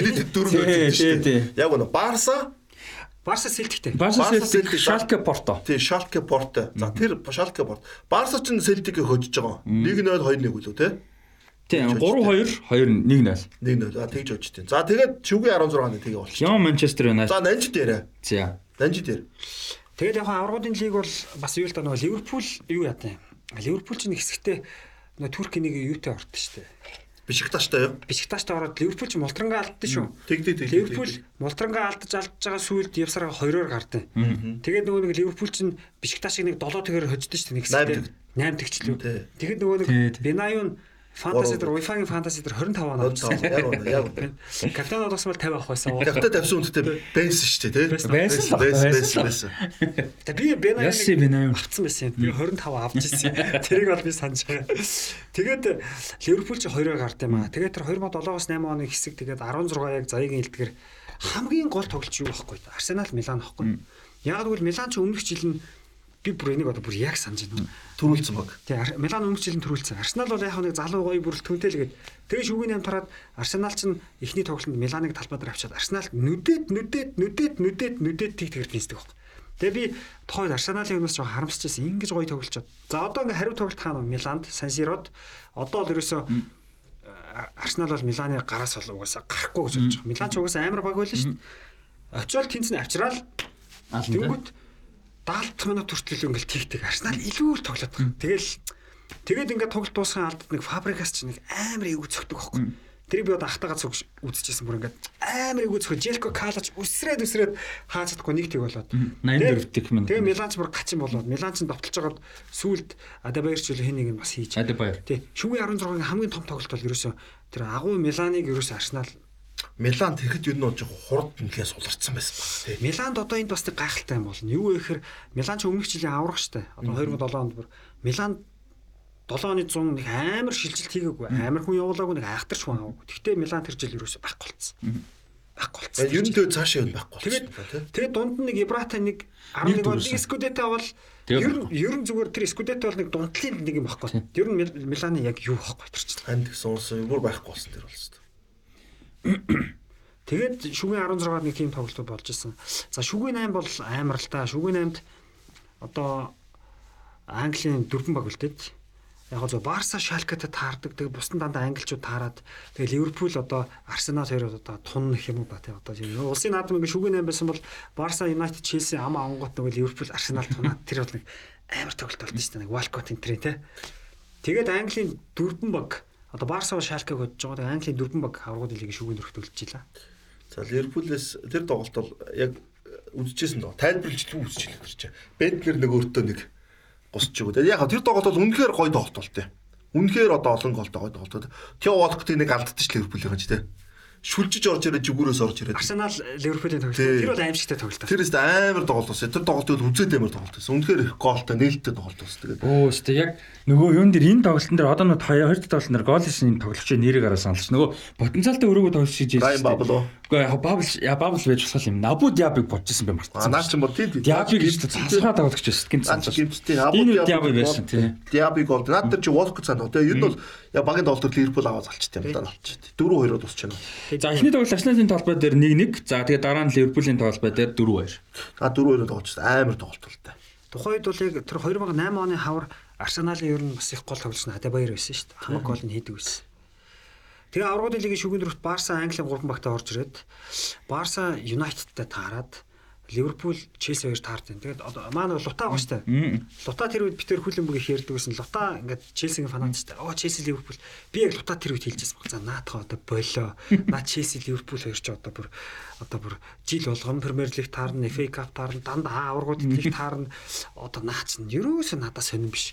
Би яг хитгэж хэлж би тэр тоглолтыг үзээчгүй. Яг надад үнэхээр бүр нэг тийм байнга таардаг те. Аваргуудын лиг тэгэл дөрөв жил Пандар гол уулзалтад дээ. тоглолтдог. Тэгэл ерөөсөө за боли. Надад тэр Барса юу амар сонир байгаа байхгүй. Тэгээд Юнайтед ч Барса дээр ирээд тэг тэг. дөнгөж нэг минутанд пенальт авт. Нэг төлөө хоёр минут. Тэгээ Роналдо алдчихсан тэр. Тэгээ Роналдо бисээ хоёр анх тулж штэ өөдөөсөө. Тэр хоёрыг харьцуулаад тэгээд тэг тэгээр дуусаад Барса бас шанс авч үлдээ. Тэгээ хариу тоглолтын дээр очиод яа харахгүй Барса Юнайтед бардгүй нэг Сколс нэг амар. Амар гол. Би тэр чинь фантази дээр капитанаар тавьчихсан байхгүй Сколзыг. Тэгээд 18 он авдсан шүү дээ. Тэрийг санаж байна. За Ливерпул Челсигийн тоглолт бол юу байсан? Челси ахад яванга алдсан ер нь бол. Эхний тоглолт чинь 1-0-ээр Ливерпул талбай дээр хожиж байгаад. Э, Тэгээд төгсгөлд нь автгал ич. Тий, 95 дээр Жон Арнерис чи өөртөө Тий. усчдаг байхгүй юу? Энэ Калуу дамжуулдэ. Калуу яг тэр нэг зүүн зүгүүрээс солоогоор хаягстай болоод дараад нэг баруунаараа түрүү байдсан шүү дээ. Тэг чи Риси нөө нэг баруун үлдэнд харчдаг байхгүй юу? баруун үлдэн дараа баруун үлдэнд байгаад эргэж ороод 1-1-ээр. Тэгээ 95 дээр Челси чи тэнцүүлж өгөө дараагийн тоглолтод давуу талд олчих жоох гэж чинь. Айл хэл бадар тэнцсэн голтой тэнцсэн гэдэг. Тэгээ дараагийн тоглолт нь юуны тоглолт нь надад орчихсон алаам бол тээ. Ливерпул Челсийн тоглолт. 1-1-ээр үндэслээ тэнцэж байна тий. Тий. Дрогба Торрес 1-1 гэвэл үндсэн цагаар тэнцээ. Тэгээ дахиад тэнцэж байгаа юм уу бүр. Тий. Тэгээд наад төр чинь энэ тоглолтын дээр угаасаа Дрогба алддаг хөхгүй. Торрес сайн байдэ. Торресыг бол Джон Терри ч бол алдчихжээ шүү дээ хүнд бол. Тэгээд э, юу яагаад дургба алдтыг. Өмнөх тоглолтын дээрсэн дургба айгуу сайн тоглосон байдаг юу? Энэ бол энэ үлрэл дургба амар байсан. Тэгээд юу яагаад өө Ливерпулийн хувьд бол нэг тэгэр хожоод ирдсэн бол Челсигийн талбай дээр 0-0 ч юм уу нэг нэгээр тоглоод хамгаалаад дуусах асуудал үүсэн байхгүй. Угаасаа энэ тоглолтын жөрөө нэг нэгээр дууссан. Тэгсэн чинь тим асуудлаараа Рис чинь фанатуудын хувьд бүүлийн төлөө бөө. Тийм. Тэгээ бараа шууд явдаг байхгүй. Тэнчэнээс хойш Рис хоёр нэг тоглолт. Тий, угаасаа угаасаа шууд явдیں۔ Угаасаа явна гэдэг. Угаасаа өөрөө сэтгэл зүгөө дийлэг баг. Тэн дээр бол хэцүү баг. Тэгээд энэ тоглолтын дээр юу хагаад нэмэлт цаг дээр Лампорт голдоод тэгээд сүүлд нь Дрогба 105 дээр. Дрогба голдон бол Райан Ба Плачин яг бид нар ингээ үзэж сууч тоо тасарчдаг байхгүй. Юун дээр Монгол тасараад. Тэгээд 3-1 болцсон байгаад за за энэ тоглолт дууслаа гэж баабл хийж. 3-2 болчих юм уу те? Тий, баабл хийгээд 3-2 болоод. Тэгээд тэр чинь бид нар чинь 3 3 болцсон бол Тэгсэн бол Ливерпул шууд гана. тийм ээ. Өвөг болоор. Тий, тэгээд бид нар бодохгүй нөө яг үзэж сууч. Гин тэгээд юу асууч. Баабл яг нэг голж байгаа давтлан гарахгүй. Бүр гайхаад тэгсэн чинь 3-2 болоод дахиад минут угаа штэ стил те. Тэгээд бол Ливерпул чинь угаасаа нөгөөд хийчихдээ штэ. Аа, энд Гурав- ийм болсон юм. Тий. Тэгээд тэгээд бүр яагаад үзээс уцсахгүй. Тэгээд яг тоглолт ингээ дуусаад Челси хожиж байгаа. Тэгээд яг үндэ бол Челсиг энэ жил баг ахаад Ливерпул аваа залаад финал руу Залтгаараа зална гэж залтгаараа залаад Ливерпул Юнайтед хоёр финалд үлдэх тийм юу баг гарч исэн энэ дөрөв төр чинь. Тэгээд Рис 95 дээр өөртөө ус. Гэхдээ тэр бол тэгтээ өөртөө хийхэрэг хөхөлсөн тий. Тий. тий. Би бол тэрийг үзчихсэн бол амар сасаач. Хийхэрэг үсээ. Би бол одоо зүгээр таяраас сонсож байна. Би бол одоо тэр за яг хоо Ливерпул Челси таарсныг мэдж байгаа, Челси финалд үлдсэнийг мэдж байгаа. Би хоёр үр дүнч мэдэхгүй. Яг бол би үнэхээр тэр хоёрыг залтгцсан гэ тэ. Тэгээ би ерөөс үзег үзег. Яг ийм сонин сонин болсныг бол таяраас сонсож. Зүгүрс амар юм болсон. Амар амар болсон болсон. Тэгээд Энэ Челси үед- энэ үедээ энэ хоёрын хоорондоо таардаг байсан тоглолтуудаас хамгийн сонирхолтой тоглолтууд нэг юу. Гэтэ энэний дараагийн 9 бол бүр амар шүү дээ. дөрөв тий. тэр бол амар тий. Тэр бас л. Тэгээд за тэгээ финал руу гарч ирлээ. Манчестер Юнайтед Челси хоёр. За финал дээр бол яг өндөө бол Челси баг авчихаа байсан шүү. Дрогба улоос авчтай. Аа тэр чин 115 6 дээр авч байгаа. Сүүл рүү одоо нэмэлт цагийн тий. За яг үндсэн цаг бол нэг нэгээр тэнцэж байгаа шүү дээ. Тий. Үндсэн цаг бол нэг нэгээр тэнцэж байгаа шүү дээ. Яг тоглолт ингээд яваад угаасаа на финалийн тоглолт ямар болдвол тийм болж байгаа. Би энэ дээр гол point нь юу гэхээр Дрогба тэн дээр улаан хуц аваагүйсэн бол тавд цохолтыг Жон Терри зөхгүй. Дрогба цохоод Тэгээд хийгээд тэр 2012 онд Челси авраг авдаг. Тэр авраг 2008 онд бараг авчихгүйсэн болов гэж хараад байгаа энэ бол. Яг гэх юм бол хоёр багийн хаалгач хоёулаа төгс хаалгач байсан. Хоёулаа супер байсан. Цогцсон супер байсан. Челсигээс чи Беллети дээр бүр солилцоогоор орж цогтсон шүү дээ. Барьцэл айгуу сайн цогтдог. А Юнайтед чи Андерс дээр орж ирсэн цохилох гээд. Тэгээд ингэж цогч жоод тэр Дрогбагийн нэг ачаа улаан утас тэр 5 минут дуугаа шүү дээ. Үндсэн юу 115 16 116 дээр. Тий. Энэ дээр Дорогба улаан цаа өгсөн бол Дорогба үлдээ Дорогба бол сэтгэл зүйн сайтай тамирчин угаасаа энэ өдөр сайн байсан. Тэр өмнөх тэр юутай Баянтай юу Баян Баян л гэдэг юм одоо. Барса эдэр юу Барса гэдэг юм солиотой юм. Өмнөд тоглолтууд Дрогба ч Фенербахч Фенербахч яг үнэ. Фенербахч болон Ливерпул эдэр дээр аягүй сайн тоглолцсон. Энэ тоглолтын дээр цохоод ерөөдөө би Челсиг авчих байсан болоо гэж хардсан шүү. Бас яг харахгүй тийм юм л да.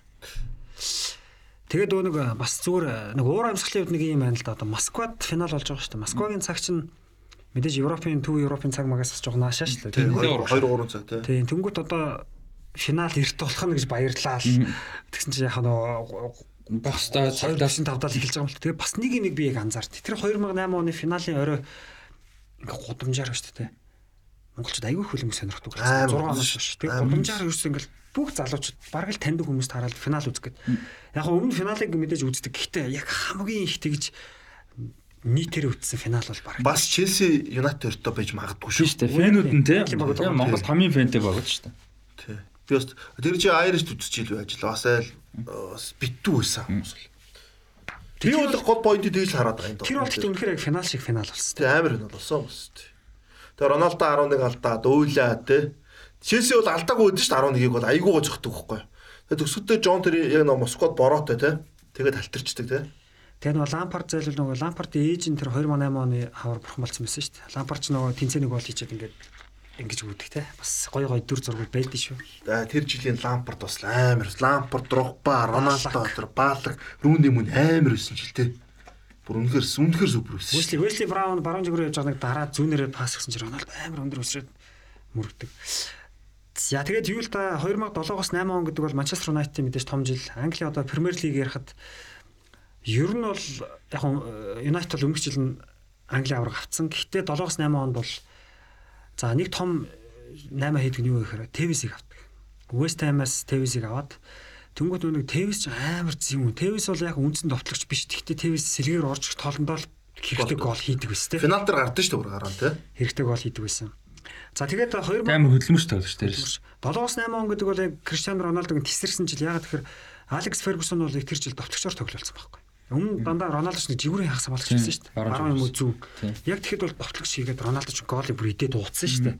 Тэгээд 7-8 он гэдэг бол Роналдогийн жил анх дэлхийн шилдэг авдаг жил чинь 8 он.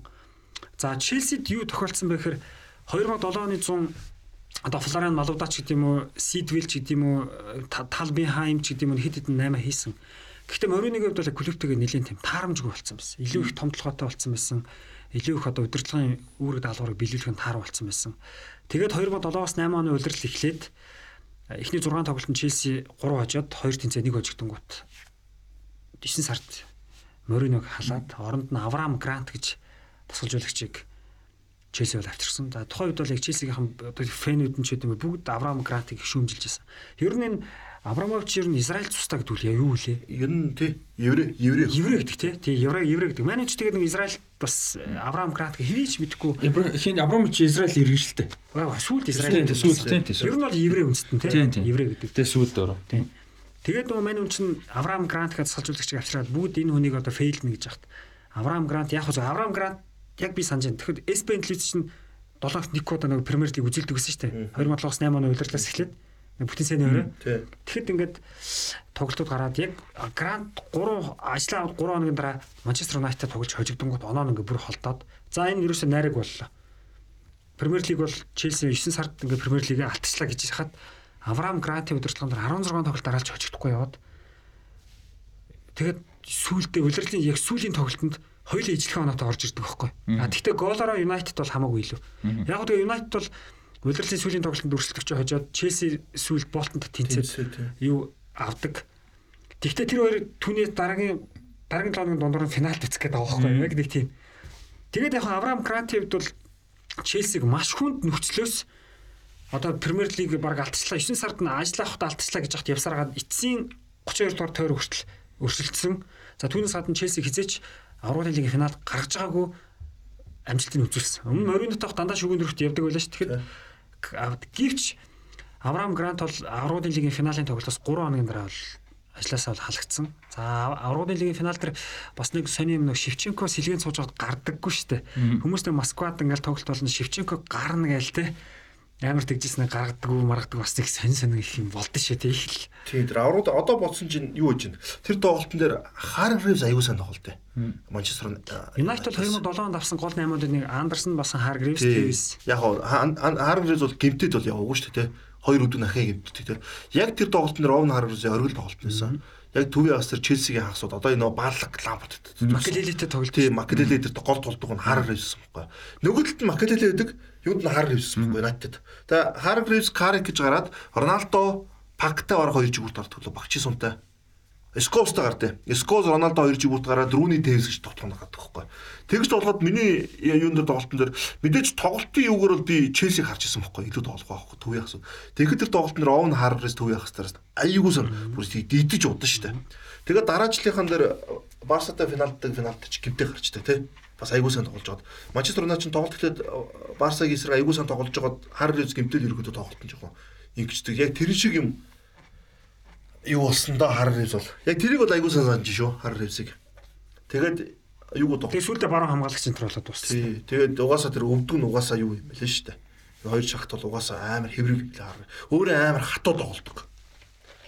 Тэгээд тэрнээс болоо гимчдэг тэгээд. Хар ревс гэснээс нөгөө 2006 оны дэлхийн аврах шалралт тэмцээнд Португал Англи үзээд. Тэгээд Англи хожигдож байгаа шүү дээ.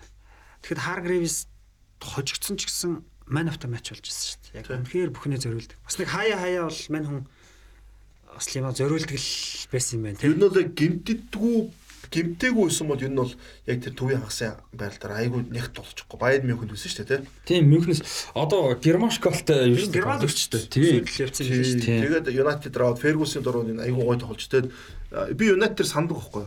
Тэгэл айгүй гой тоглож байгаа дундуур нэж дандаа өвдгөн гимтчихдэг байхгүй. Тэгээд тэр нь зүгээр нэг гимтчих дандаа хүн хүн гимтэл авчдаг. Тийм эс. За тэгээ 2007-оос 2008 оны үйлрэлгээл би бас нэг юм санд юм да. 2008 оны 2 сард цагаан сар Монголд яг цагаан сар болж хат Премьер лиг нэг тоглолт болоход Манчестер Юнайтед Манчестер Сити гэж тоглодог байхгүй. Тэгэхэд Мюнхний 1958 оны Мюнхний ослоо шүү дээ. Ослын 50 жилийн үед тохионгууд Манчестер Юнайтед тэр тоглолтод нөгөө дээр үеийн Юнайтедийн нөгөө ямар лого тийм аа тэр чинь тэр Сити бас тэр тоглолт тий. А Ситиг санахгүй. Сити яг тэгтээ. Бас тэгтээ. Тийг санаад байна тий. Юнайтед яг нэг тийм класс уцтай тоглолт. Тий, тий, тэр бүр тасгай. Ямар ч спонсор байхгүй шүү дээ. Бас л гоё. Бүр лого могоо гэдэг чинь цагаан цахтай уулан. Тэн дээр ч нэг гол Бенжаны Вар вар өстэй мөрөгчдөг. Дагуулаа мөрөгчдөг. Шизгээс хувцсын л санаж. Роналдо нэг гол хийдэг шиг санагдав. Бенжаны. Бенжаны Вар вар ямар ч тэн дээр гол өсгсэгээд ингээд. Тэгээ Сити чинь тэлжид Мидсброд л тэр үлрэлийн төсвөл тэр 7-0 л 7-1 дүүлдэн шүү. Сити чинь юунд яа вэ? Челси 6 тэгэр өчгдөө. Мидсброд өсөж очигдээ. Бас? Тий.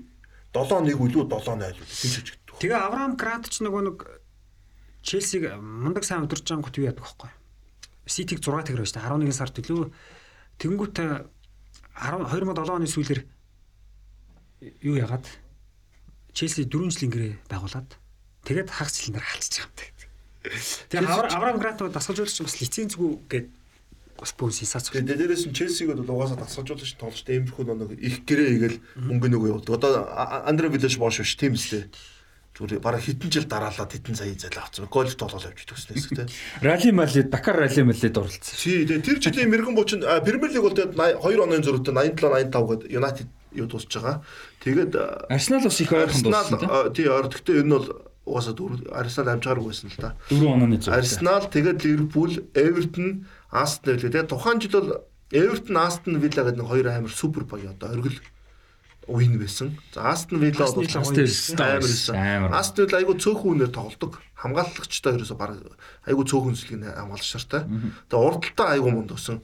Одоо Найшер Йококер, Эшли Янг, Агбан Габриэл Агбан Лохор, Гарет Бари, Джеймс Миллер баг иржсэн байсан үе нөх шүү. Мартин Онилийн баг шүү. Мартин Онилийн баггүй. Тэгээд Стилиан Петров те. Стилиан Петровтай 96 оноос л гоё төглөөд эхэлсэн шүү дээ. Тэгээд Эвертон Дэвид Мойс өдөрлөгдөр амар байсан. Угаасаа угаасаа. Ульфред Бома бас байсан бай төвийн хамгаалагч. Тийм Бома байсан. Джон Карио. Джон Карио байсан. Тийм. Наасн вилаж амар байсан. Тэгээд Эвертон Вилла хоёр ерөөхдөө нэг топ 6 мурга болгочих гол арайж болж чаддаггүй. Тийм биснэ. Ер нь бол яг тухайн Эвертон Астон Виллагийн тоглолтыг үзсэн тохиол амар гоё. Том багууд энэ хоёр баг тэр жигэн бүдэрдэг байсан шүү дээ. Тийм. Жигэн бүдэрдэг хоёр баг энэ хоёр баг байсан. Тэгээд энэ жил Англид бас юу болсон гэхээр нөө Портсмут, Cardiff хоёр FA Cup-ын цомын төлөө тоглоод Портсмут авдаг. Тухайн жилийн Портсмутыг бүрэлдэхүүн аюул сайн бүрэлдэхүүн одоо харахаар. Одоо Сильвен Дистон гэдэг нэг Эвертон Сильван Дистан. Сол Кэмпл. тэгээ Сол Кемпер төвөө хамгаалтанд болчихж байгаа. Тэгээд урагшаага хин Элха юу sorry Элха Шитип биш. Монко. Кано. Байсан. Садиф Диао, Сали Монтаре. Тэгээд баахан нэг Африкийн нэг гологдлууд байгаа байхгүй тий. Том багууд магууд зарим нь явж байгаа ярьсан. Зарим нэг том багуудаас гологдоод Глен Джонсон ч байсан шүү дээ. Глен Джонсон баруун Джеймс хаалгач нь байсан байна. Лорен байсан. Джеймс. Дэв Джеймс. Ласана Диара, Папа Буба Диоп, Милан Барош. Боба би Садифтэй баш Боба явш шүү. Тийм, Тэгээд Милан Барош, Давид Ньюжент байсан байна. Джон Утака, Диско Кранч Кранч, Ред Нап шүү дээ. А? Red Knight. Тэгээд наа Кранч чинь- байсан шүү Наа дээ. чин довтгоно юу байхгүй. Нүшэн тхийн тэр чин сэлгэн дэсэ. Бараш идэр чинь. Бараш бол сэлгэн сэлгэ. А хин крауч чинь гардаг. Кано манаж гарааны болтод удака идэр чинь гардаг. Удака айгуу сайн байсан жиш шүү дээ. Тэгээ Портсмут юу яадаг байхгүй одоо Манчестер Юнайтед трипл хийхэд ганц саад болсон баг чи Портсмут байхгүй. Манчестер Юнайтед Премьер лиг авцсан, аврагын лиг төрүүлсэн, FA Cup-ын хагас гişэд Портсмут тожигдсон. Тэгээ нөгөө нэг Фердинанд хаалгач малгач хийдэг. Тий, тий, тий. А тэр 2008 онд нөгөө нэг FA Cup бас нэг Барнсли лөө нэг баг Ливерпул Челсиг нухаад нэг сонирхч баг шээ доод лигийн баг нэг хоёр ингэ дараалц нохдаг. Тэр чинь бас FA Cup-ын гоё нүс тэр тий. Барнсли лөө юу лээ? Барнсли. Барнсли Барнсли мөн одоо санаж байна. Барнсли. Нэг улаан авцтай баг чинь Тэг ба улаан авцтай. дараалаад авчдаг ш тэр хоёрыг. Тэг Барнсли. Тэгээ бас нэг их сони юм. Юу гэхээр нөгөө нэг Тоттенхэм чинь 2006 7 онд 2 жил дараалж 5-д ороод. Тэгэд нэг сони 7 онд 7 7-8 он явж байхдаа Мартин Йолын удирдлаганд орж жоохон Тоттенхэм болоогүй тэр жил. Тэнгүүт Хуандер Рамс цомын хаан, Хуандер Рамс ирт. Рамс яагаад ч юм бэ CV-гаас салгацсан байсан. Тэнгүүт Тоттенхэм чинь бас олон жил цом аваагүй байсан. Одоо түүнээс ч аваагүй. 2008 оны Карлин Кафе финалыг Челситэй тоглож авдаг байхгүй.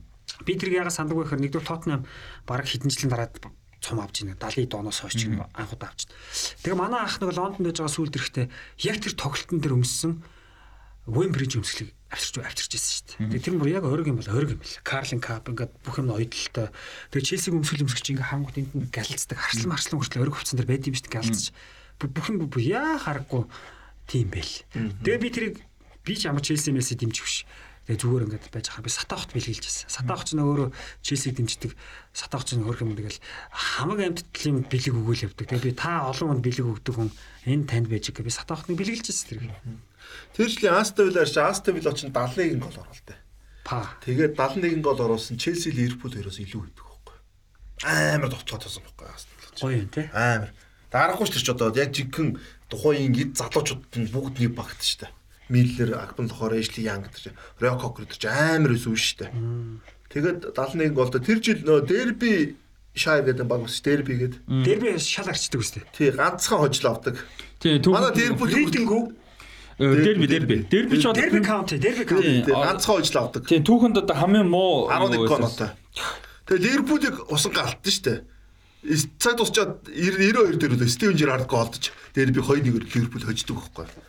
Тэгээ дерби ч одоо нөгөө юунаас бүр ингээд байхгүй болонгаа алдлаа шүү дээ. Сайн нөө санхүүгийн асуудлаас болоод. Тэгээд доошоо унангаа унцлуу а унцсан шүү дээ, тий. Тэгээ хин Вейн Рүни чинь сая Оо, дасгалжуулаад. тэгээд тургуулаа. тий, тургуулж мургуулаа бөө юм болсон шүү дээ. Тэгээд Премьер-лигийн түүхэнд хамгийн бага нь 11 хоног авсан тохиол. 8 тэнцэж нэг Нэг хатсан. ганцхан. Алекс Маклиш өдөрчсөн шүү дээ. Тий. Тэгээ Английн хөлбөмбөгт бас их сони юм болсон да. Юу гэхээр 2007-оос 8 оны нэг Европын арга шалралт тэмцээний ирэх болох тэмцээнд 2007 оны 11 дугаар сард Английн шог Хорват тожигдоод 3-2-оор нөгөө хаалс нэмэлээ нөгөө Карс Карс Карс Скот Карсон. Скот Карсон ч нөгөө бариад алддаг тийм. Тэгээд Английн шог Хорват тожигдонгууд Англи Англи ч тэрний өмнө Орс тожигдоод зүлгэн дээр химэл зүлгэн 2-1-ээр хожигддог. Павличенко хоёр идэг.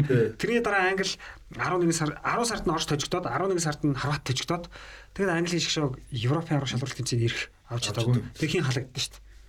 Стив Макларен. Стив Макларен халагддаг. Маладан Маладан Петр чинь солоогоор амар цогтөгдөг ороо. Битрич те солоогоор яг Солоогоор цөм цогтөж шүү дээ.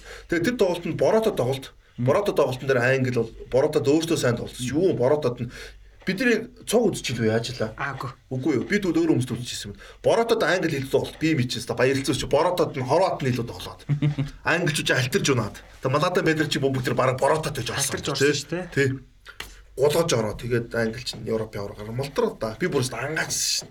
Европ яваар англи үстэ сонир болноос ч юу үстэ амар Европ яваар болдог тий. Тэгээ 2008 оны 2 сард би санд юм аа. 2 дугаар сард Томш Росицки амар хүнд гэмтээд.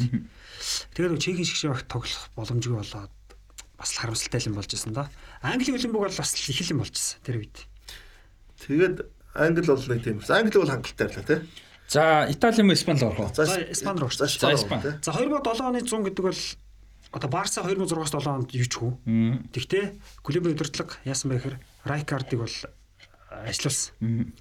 За тэгээ үнэхээр 2007-аас 8 оны Барса бол зүгээр фейлийн фейл Барса болсон. Тэр яасан бэ гэхээр Испани Ла Лигт бол Реал Мадридаас 18 онооны доор 3-т орсон. Дундуур нь Villarreal 10 онооны зөрүүт. Виралаас 10 онооны зөрүүт тий. Одоо нөгөө нэг юу? Villarreal-ыг нөгөө хин удирч байгаа. Пелегрини. Тийм. Пелегрини чим Villarreal айгуу гоё. Тэгээд нөгөө нэг сүүлийн олон жилийн хугацаанд за да. За Валенси интер байсан л юм байна да. Яг Villarreal бол түүхэндээ дээд амжилт тогтоож Испани лагт хоёрт орж, хоёрдугаар орт. Тэгээ Барса ч тэр 2008 оны хавар нэг Эл Классико болоод нэг үтсэн чи юу зүгээр халуулж байгаа юм чи Реалд. Бүр халуулаад. Тэгээд нөгөө нэг 4-1-ээр очигдлоо. Тэнгүүд нөгөө нэг юу хийсэн чинь чинь Реал ч тасархаа авраг авч байгаа шүү дээ. Тэнгүүд нөгөө нэг Барсаг ялгаж игэн цогсоод. Реал ингэж оролж ирсэн шүү дээ. бүр Сонь сонь юм болсон. Тэгээд дөрөөсөө Барсагийн хувьд бол бүр утаа. Утаа уйлрал. Аврагын лигт шүгийн 8-д Шалкатай таарсан тулдаа дөрөв рүү орж байгаа байхгүй. Шалкад Ракитич яг ид нөгөө зүүн тоглолдог байсан юм. Зүүн жигүүр Тийм зүүн зүгээр хас тэр. Тэгээ Барса ч нь ерөөсөө тэр фейлин фейл. Тэгээд 8 онд угаасаа улирал тусгаас өмнө клубын удирдлага Райкард бол байхгүй гэдгийг бол зарлаа. Тийм. Тэг тийм болсон. Ракарди сүүлийн үйлрэлээсэн. Тэгээ Даниэл Гуиза, Майоркогийн товчч Даниэл Гуиза Испани Гуйсаж амар доо. мөрч авч. Нэрмөч. Араас нь Роналдо болсон шинээр юу лээ? Премьер лиг дээр тий. Роналдо ч 31 голтой. Роналдо шиг довтлогч болсон үе Тий. Яг гоо довтчоос ад нь юу л даа. Айгуугаа хөвс тоглож исэн л даа. ТВС рүүний хоёрыг чинь ТВС-ийг суулгаал рүүнийдээ цуг гаргаал тий. Тэгэл нэг бол рүүний ТВС-ийг гарахаар нөгөө чинь жигүүр дарахаар жигүүрээс орж хоёрдугаар Роналдо ч хоёрдугаар давхар аягүй сайн мөрөгдөг болж ирэх. Тий, тий. Хоёрдугаар давхар мөргөж аягүй гол оруулж ирсэн. Хаалтаа цохолтлаа цогтөг болцсон. Тийм, Хаалтаа гол оруулж. Энэ үйлрэл чинь нилээ даалтаж нөгөө амар гол Хаалтаа хийдэж шүү. цохолт агарын довтхонууд амар болцсон тийм үе нөхгүй. Рональдо 31 голтой араас нь Торрес Адебайор 24 голтой. Тэгээ Роке Санта Круз 19 гол. Blackburn. Blackburn. Бене Маккарти хоёртой хоёр байсан шүү дээ. Юу тэр хавар нөгөө нэг Челсиг нэг тоглолт үзэж хагаад 2008 оны хавралта чөлөө цохилт болсон чи Баллак Дробо хоёр муудалцлаа. Хоёр автоматерист бас лигүү харагдчихлаа шүү дээ. За Испани лигт саясан Реал төрүүлсэн 85 оноотой. За Виарал ардсан 77 оноотой. Атлетик Барса 3-т, Атлетико Мадрид, Севиа гэ Рейсин Сантандер 6-ад орж ирж. Наад дээр чинь нэг гоё байгаа. Одоо UEFA Cup-ын тий. На Испани Ла Лиг чинь энэ жил амар тийм тэнцүү оноо болтоосон. 40-оос доош оноо авсан баг доош унсан удирдал болсон байхгүй ч. 42 оноотой Зарагоса унсан. Амар жигд удирдал болоод на багууд ч оноогоо бүр ингээд ингэж авалцаад 40 оноотой баг ерөөхдөө 38 юу 20 багтай юм дээр бол үлддэн дээ. Тэгээ 40 дэх бол сейф оноо гэдэг. сейф оноо гэдэг. Гэтэл 42 оноотой на Сарагосо ч унж бас гайхчлаа надад. Одоо энэ үйлдэл амар сонир байхгүй. Хожигдлын чинь ингээ харахад төрөөсөө Реал 7 хожигдсон. Дараа нь орж байгаа хамгийн цөөхөн хожигдсон 3 баг нь Майорка, Барса, Виарал 9-с хожигдсон. Тэрөөсөө бүр ингээ бүгдээрээ Наад хожигдсон. наад энэ жилч наад лалигч бүрд юу болсон бохоо бүр өстө тэгэн олоо матан болсон бохоо. Заргоосоо гэхэд л 10 хожиж 12 тэнцсэн баг. Сарагоса ч тэгээд 7 онд нь Милитогоо явуулцдаг л да. Хоёулыг нь явуулцдаг үлээ, нэг нь үлддэг үлээ. Хоёул Габриэл нь дараа нь бол Барсаар нэг явдаг. 37 оноотой өсөн чи үлддэн шүү дээ энэ бол. Тийм. 36 мурга үлддэг байхгүй. West Ham 2003 онд 42 оноотой унжилаа штэ. А яг тэр шиг жил болсон байхгүй. Их ховор тохиолдолтой. Лиг нь их өрсөлдөөнтэй байна гэсэн үг л дээ. Тийм. Наа чи том жижиг алдсан гэсэн үг байхгүй. Одоо ингээ оноог нь харах юм бол 5 дугаар 18-д унсан байрын хооронд ерөөсө 20 оноо нэлзүр баг. Давид Вия бичиж авч ирсэн юм. За, өстой мэдхгүй шүү хараад. Одоо наач Даниэл Гуиза авч байгаа байхгүй. Гүйс 27 оноо Гуиза голтой. бол хамгийн сүүлд авсан бичиж авсан Испани. Испани болчиход байгаа байхгүй. Тэрнээс хойш Месси, Роналдо, Дэ Суарес. Бензема. А Бензема авс тийм сайхан Бензема авс тийм. Тэгээд ерөөсөө дундуур нь байт юм байт өөр хүн байт. бүр байгаа болов. За харч ямар ч би бичиж гараад. За дундуур байгаа юу энэ дөрөв дундуур. Испани уу? Өөр хүн үү? Форлан. Форлан өмнө нь. Форлан 10 онд жил багш нэг авдаг байхгүй. 10 манайч 10 онд амар байсан шүү дээ. Европа лиг төрүүлээд Форлан Копа del Rey төрүүлээд тэр харъя. Тэгээ Форлан тагч Форлан хоёр авдаг байхгүй. Вера бүр Вералт нэг ав сүлд Атлетико ч лөө авдаг байхгүй. За Пичичи бол авч байгаагүй манай Давид би. Нааг. А тэгэхээр яг Испани гэдэг нь хэн болчиход байгаа байхгүй. Гүйсэл юм. Гуиза болчиход байгаа байхгүй.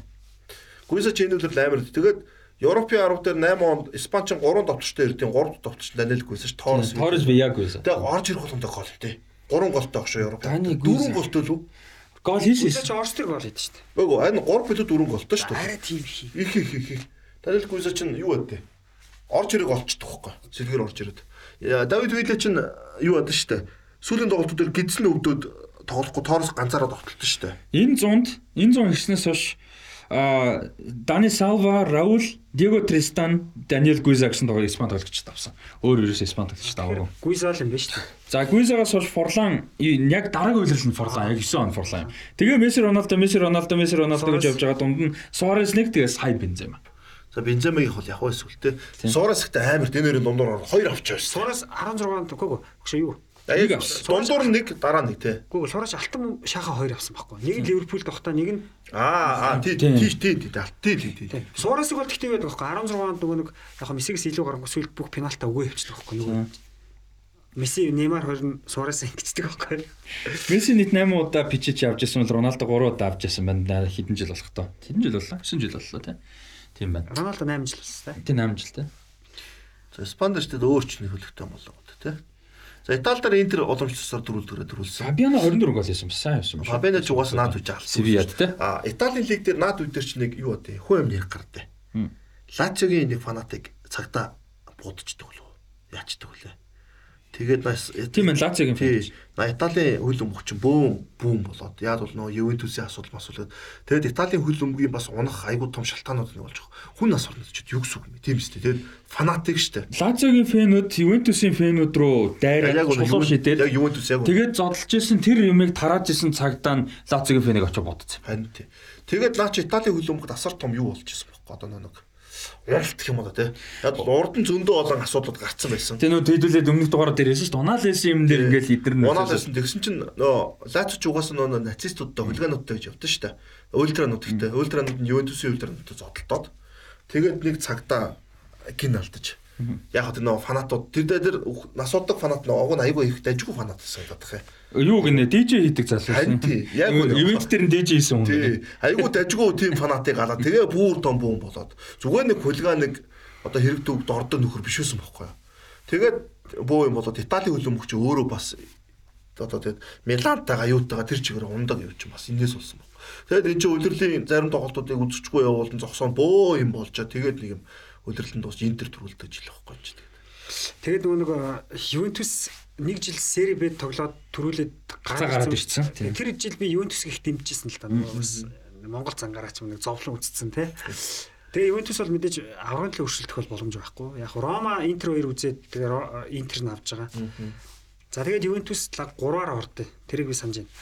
Тэгсэн чинь Милан байдгүй. Милан чинь өмнөх жилийн аврагын лиг аврагыг нь дараа жил аврагын лигч байхгүй. Сери Адач аврагын лиг ирэх авчдаг. Ер нь ингээ Миланы ер нь их том уналт. Анчелоти байсан, Кака байсан. Одоо Какагийн Тэгээд явдаг. Сүүлийн жил. тий. Тийм. Кака 9 А биш 9 онд явсан 2 жил юм байна тий. Тэгэл нэг тийм мэдхгүй нэг яагаад Милан тэгснийг би ёстой мэдхгүй. Би бол тэрийг бол тоглолтын хэм маяг настай холбож ойлгосон шүү дээ энэ бол. Нөгөө гол төвийн хагасууд нь хөгшөрцөн байсан хурд Хамгаалагч жигүүрийн жигүүрийн хагасууд нь удаан. Амар удаан болчихсон. Тэгээд хэм маяг нь бас хിവэрэ байгаадсан баг тий. Өөрчилж байгаа, өөрчлөгдөж байгаа цаг үед. Өмнөх жил нь Кака чирцэн. Дараа жил гэхдээ Кака тэгж чирч чадаагүй л дээ. Гэж зайлд долтгоонууд нь тэр Жилардын Инзаги дээр яг үндэ бас явахгүй довтлогч шүү дээ чинь тийм үстэй. Тэгээ тэр олон тоглогч дундаас Кака 15 гол хийсэн байхгүй. Миланаас ерөөс хамгийн олон гол хийсэн Кака 15 л гол хийсэн. Пирло дээр байсан ч тий. Тэр За тэгээд Serie A-гийн а, мэрэгэн бочор Piero 21 голтой болж байжээ. 3-т орсон Ювентусын. За тэгээд 2-т орсон мэрэгэн бочор одоо жагсаалтаа 2 20 голтой дахиад Ювентусээс Трезеге. Ювент Del Piero хоёр бол одоо Буфон энэ гур бол ерөөсөө чирчтэй. Тэгээ ер нь тий. үлдсэн шүү дээ. Нэг тагаа. Энэ гур ч байсан. шилдэг угаасаа бидэдлийн шид норд тий. Бараг удирдлийн үндэстэд болсон Делпиро болт нь ажиллаж байгаа. Тэг санагдаад байна. Телперос 73 онох гэдэг чинь одоо тэр жилийн 35 та гэсэн үг. Тийм. 74 онох гэдэг чинь одоо 34-тэй юм биш үү? Тэгээ мэрэгэн боч авч ижээ. Сери А. Делпиро сайн тоглогч л доо үнэхээр. За тэгээд Динатл Муту Ибрахимович 3 17 гол хийж исэн юм байна тэр жил. бас. Моду зайлвал тэгээд яг тэнд Италидаа л зогцсон тий. Англид очны сайхан мужигнуулж байгаа бол. За Германы Бундслиг дээр Байдны хөл өрүүлсэн. Лука Тони алсан. О 7 онд чинь Мирослав Клосе Тони Рибери 3-ыг авдаг байхгүй. яг. Баяр чинь. Тэгээд Клосо тооны гэдэг хоёр дотгочлоо. Тэр хоёр нь гоолыг машин. Тэгтээ Клосо нэг яваагүй тий. Клосо сайн явсан явсан. Юу яадын заяа. 7-8 удирдал чинь тэр Колосе тооны ерчмөр завсар гарахгүй. Айгуу сайн. Тэнгүүт Подоски Подоски яг гоохгүй. Яг Подоски босдгоо яг юм тий. Тэгсэн Подоски шиг шиг огтоо 8 оны шил гаргасан тий. Алсаар тоглоод тий. Евродор олж тавд болгосон шүү дээ. Тэгээд э, өдөртөн шидэд болж нь тооны болоо тооны Колосоос илүү голтой авчтай тий. А тооны угаасаа л тооны мэрэгэн болчих. Марек Гомес гарч тэгжлэхгүй наа чи шүү дээ. Яг яг яг яг яг яг яг яг. Би яг санаад байна. Хоёр том битэд давтчих гарч ирэл. Нэг нь Марек Гомес, нэг нь Лука тооны. Гэлцаад. Тэгээд Курани Олич Шинтер гэдэг. Кураны ч угаасаа тэгээд тэр үед тэг 2000 оны дундуур угаасаа нэг хідэн голтой явж идэгсэн. Ер нь хоёр үед бол баттай тий. Тий 4 оны Европын аваргын гарааны довтолч өсөх гэв. Тий Ард шүү дугаартай дээ. байлаа ш. Тэгээ 10 дугаартай өстэй. Явдггүй довтолч. Дөрөв оны евро дээр нэг герман юутай тоглож илээ явж Кураны нэг гар яваад тэгсэн чинь Орсын тайлбарлагдсан Марадонагийн тухай яриад. Тэгэл би а нэг тэр юу л яриад байна даа л гэж бодчихсон. Бурхны гарыг л яриад байна даа гэж бодчихсон. Кевин Кураны. Тэгээд Лука тооны 8 оны Евро нь тэгээд тоглолдог. Гомес 8 оны Евро дээр тэгээд Германы гараа гардаг. Үндсэн товтлогч Тий. Гомес, Подоски, Подоски зүүнтэй. тэгээ Подоски зүүнд гард юм уу. Тэгээд ард нь Баалак найруулагчаар хийгээд баруунд нь Шнайдер Швайнштайгер. Тэгээд түүний хасаар Саймон Роджерс тоглолт шүү. тий Роф Еврогоор, еврогоор. 8 оны Хилсбергээс илгээр орж идэс үлдээ тий. Мисетсбергер. Швайнштайгер нэрэ баруун тоглолт яг үнэ 8 оны юу чинь баруун юм байна Швайнштайгер. Тэгээд Ролфс Фринкс хоёр тоглож байна баг тий. За бараг л тий. Тий. Тэгээ Баалак тэгээд За Мюнхен төрүүлээд Werder Bremen хоёрт орсон Schalke Hamburger гээд дараалаад бол явсан. Leverkusen нэлээд муу тогсон. Dortmund бүр доош унаад 13 руу. Дортмунд бол босоогүйс үйл Тий, лээ. босоогүй. Өстой жинхэнэ нөгөө нэг онгжсэн дампуурж исэн. Одоо ингээл босох гол нэг клуб иргээл клуб ч яг нэг Майнц байгаа байгаа шүү дээ. яг Майнц. Майнцыг дэше оруулж ирэх гэж үжижсэн юм. Тэгээ Вердер тэр Дего ч амар өсөж шнаач л чаа. Аа. Бразили. Бараг сүүлийн сайн тоглосон ч л баг шүү дээ Дегогийн. Тээгөө 9 онд нэг сайн тоглолт. Диего 13 гол хийсэн байна. Дегогийн үнэхээр амар өсөж. Тээгөө 9 онд нэг сайн тоглолт. 8 9 нэг сайн тоглолт. Дараа жил юм биш үү тэгвэл те. Тэгээд 9 онд Үзил ирнэ шүү дээ. Тэгэл өзилчтэй бас л бодоо болгосон да тий. Мосил амар тоглохчоо. За за за нэг иймэрхүү байна уу. Франц нөө Лион уу? Лионы сүүлийн төрөө. 7 дахь төрөө. Тэгээ сүүл яах. За тэгээ тэрнээс хойш бол оны одоо нөгөө нэг амар үе нь бол унсан тий. Тэгээ бордо залгасан шүү дээ. За жил нэг. Франц нэг сони ингээд байж байгаа нэг баг ингээд гараад ирдэг те. Тийм Марсенийг явсан, Бордо нэг Гинт явсан. гараад ирдэг те. Тийм Монпелье нэг явсан. Монпелье Жирогийн Тий, Монпелье. Жирүүтэй. Монако нэг Парис Сен-Жермен дундуур нэг Тий, те. хэдэл ярьдаг нэг Жардимтэй тий. Лил Тий. Лил нэг Лил ч хоёр тий сүүлийн хэдэн жилд энэ чинь энэ үед бас нэг Лил нэг төрүүлдэг үстэй. Би тэгээ санаад байна Энэ шүү. үед Лил сайн байлаа. 10 тийм дээр сайн ороод Тэ, гэсэн. үстэй. Лил нэг төрүүлдэг санаад байна. 10 оны үед. Лил амар нэг тоглолтоос явчихсан.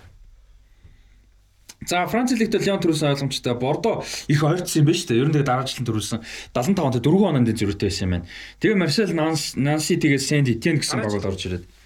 За дараа жил нь юу ясныг ямар ч байсан. За зөв зөв зөв зөв зөв. Бордо ч амар гой тоглолттой байсан шүү. Бас Гоё эйгүү. хүн жолоочд гарч Тий, айгүй эйгүү өгсөн шүү. Бензема Лиг алсны мэрэгэн боч анхудаага болж ээжээ. Тэгээд араас нь Мамадо Нян оржсэн ба. Фетими Гомес центр гэдэг. Жибрис Исе гэсэн. Фетими Гомес. Оо, Кавинаги нэг гэж нэр тогтож байсан шүү дээ, тий. Аргентин уу? Тэ, Кавинаги бас Спартако. 15 тий. 15 голтой Бордогоос бас давгүй тоглосон. Тэгээд Спартак руу явдаг үстэй. Тийм, дараа нь, тий. За тэгээд энэ 7-8 оны удирлээ УЕФА-гийн цом. Бас гоё юм байгаа да тий. Наад нар чинь Баян мөхөнд тоглоо. Тий. Баян мөхөнд жоох хүмүүсд орсон юм шиг тоглоод. Тэгж явж байгаа шүвгийн дөрөв төр зениттээр дараа зенитэд нэг алуулж өгөөд 4-0 нэг нэгээр тэнцдэг те. Эхнийх нэг дээр хожигддог баха. Юу лээ? Үгүй аа нэг нэг үү? Тэнцдэг. Хариу тоглолт дөрөв төгрөг очиг. дөрөв тэгтүүлтэй. Би хариу тоглолтыг яг үзчихсэн. Орсын сугаар. Хэсэгтээ бол хоёр тэнцэж хоёр хожиж гарч ирсэн юм байна шүү Байерн Мюнхен. Тэгээд тэсгээсээ гараад Абердинийг хоёр тоглолтын дүнгээр 7-3-аар хожоод, шүгэн 16-д Андерлехтиг 6-2-оор хожоод, шүгэн 8-7 Хитафетэй 4-4 тэнцсэн гэхдээ away голоор. Манай ч Хитафегийн клубын түүхэнд Европын домог нөхгүй. Тийм нэг нэгтэй тийм. Абердин Абердин ч гэсэн өөрсдийн хувьд баяндад болгож амар ч том юм баггүй те. Тэгээд талбай дээр Мюнхентэй юушээ Зенитиг талбай дээр нэг нэг Зенитийн талбай дээр очиод дөрөвдөг юм байна. Тэр зенитийн бүрэлдэхүүн яг нэг Дик адвокат байсан шүү дээ. Нидерланд. Тэгээд Дик адвокат Нидерланд мэрэгчлэн зенитээс хожуулаа. Тэгээд а, 8 оны Европын орд орох Гүситигийн багийн бас багийн Диликийн бэлдэж өгсөн шүү дээ. бэлдэж өгсөн э, зенитээс Константин Зериано байсан. Файзулын ордгүй гимчдэг үлээ. Файзулын энэ хин авдгүй. Симак гэдэг үстэй. Симак зэнитэд байлгүй би санахгүй. Байдаг шүү дээ. Денису ямарсан байт. Тэгээ Юу, Денисуийг Денису баг. гол нь хэнийг юу авдгүй байхгүй бас. Колодин Колодин угаастай бас.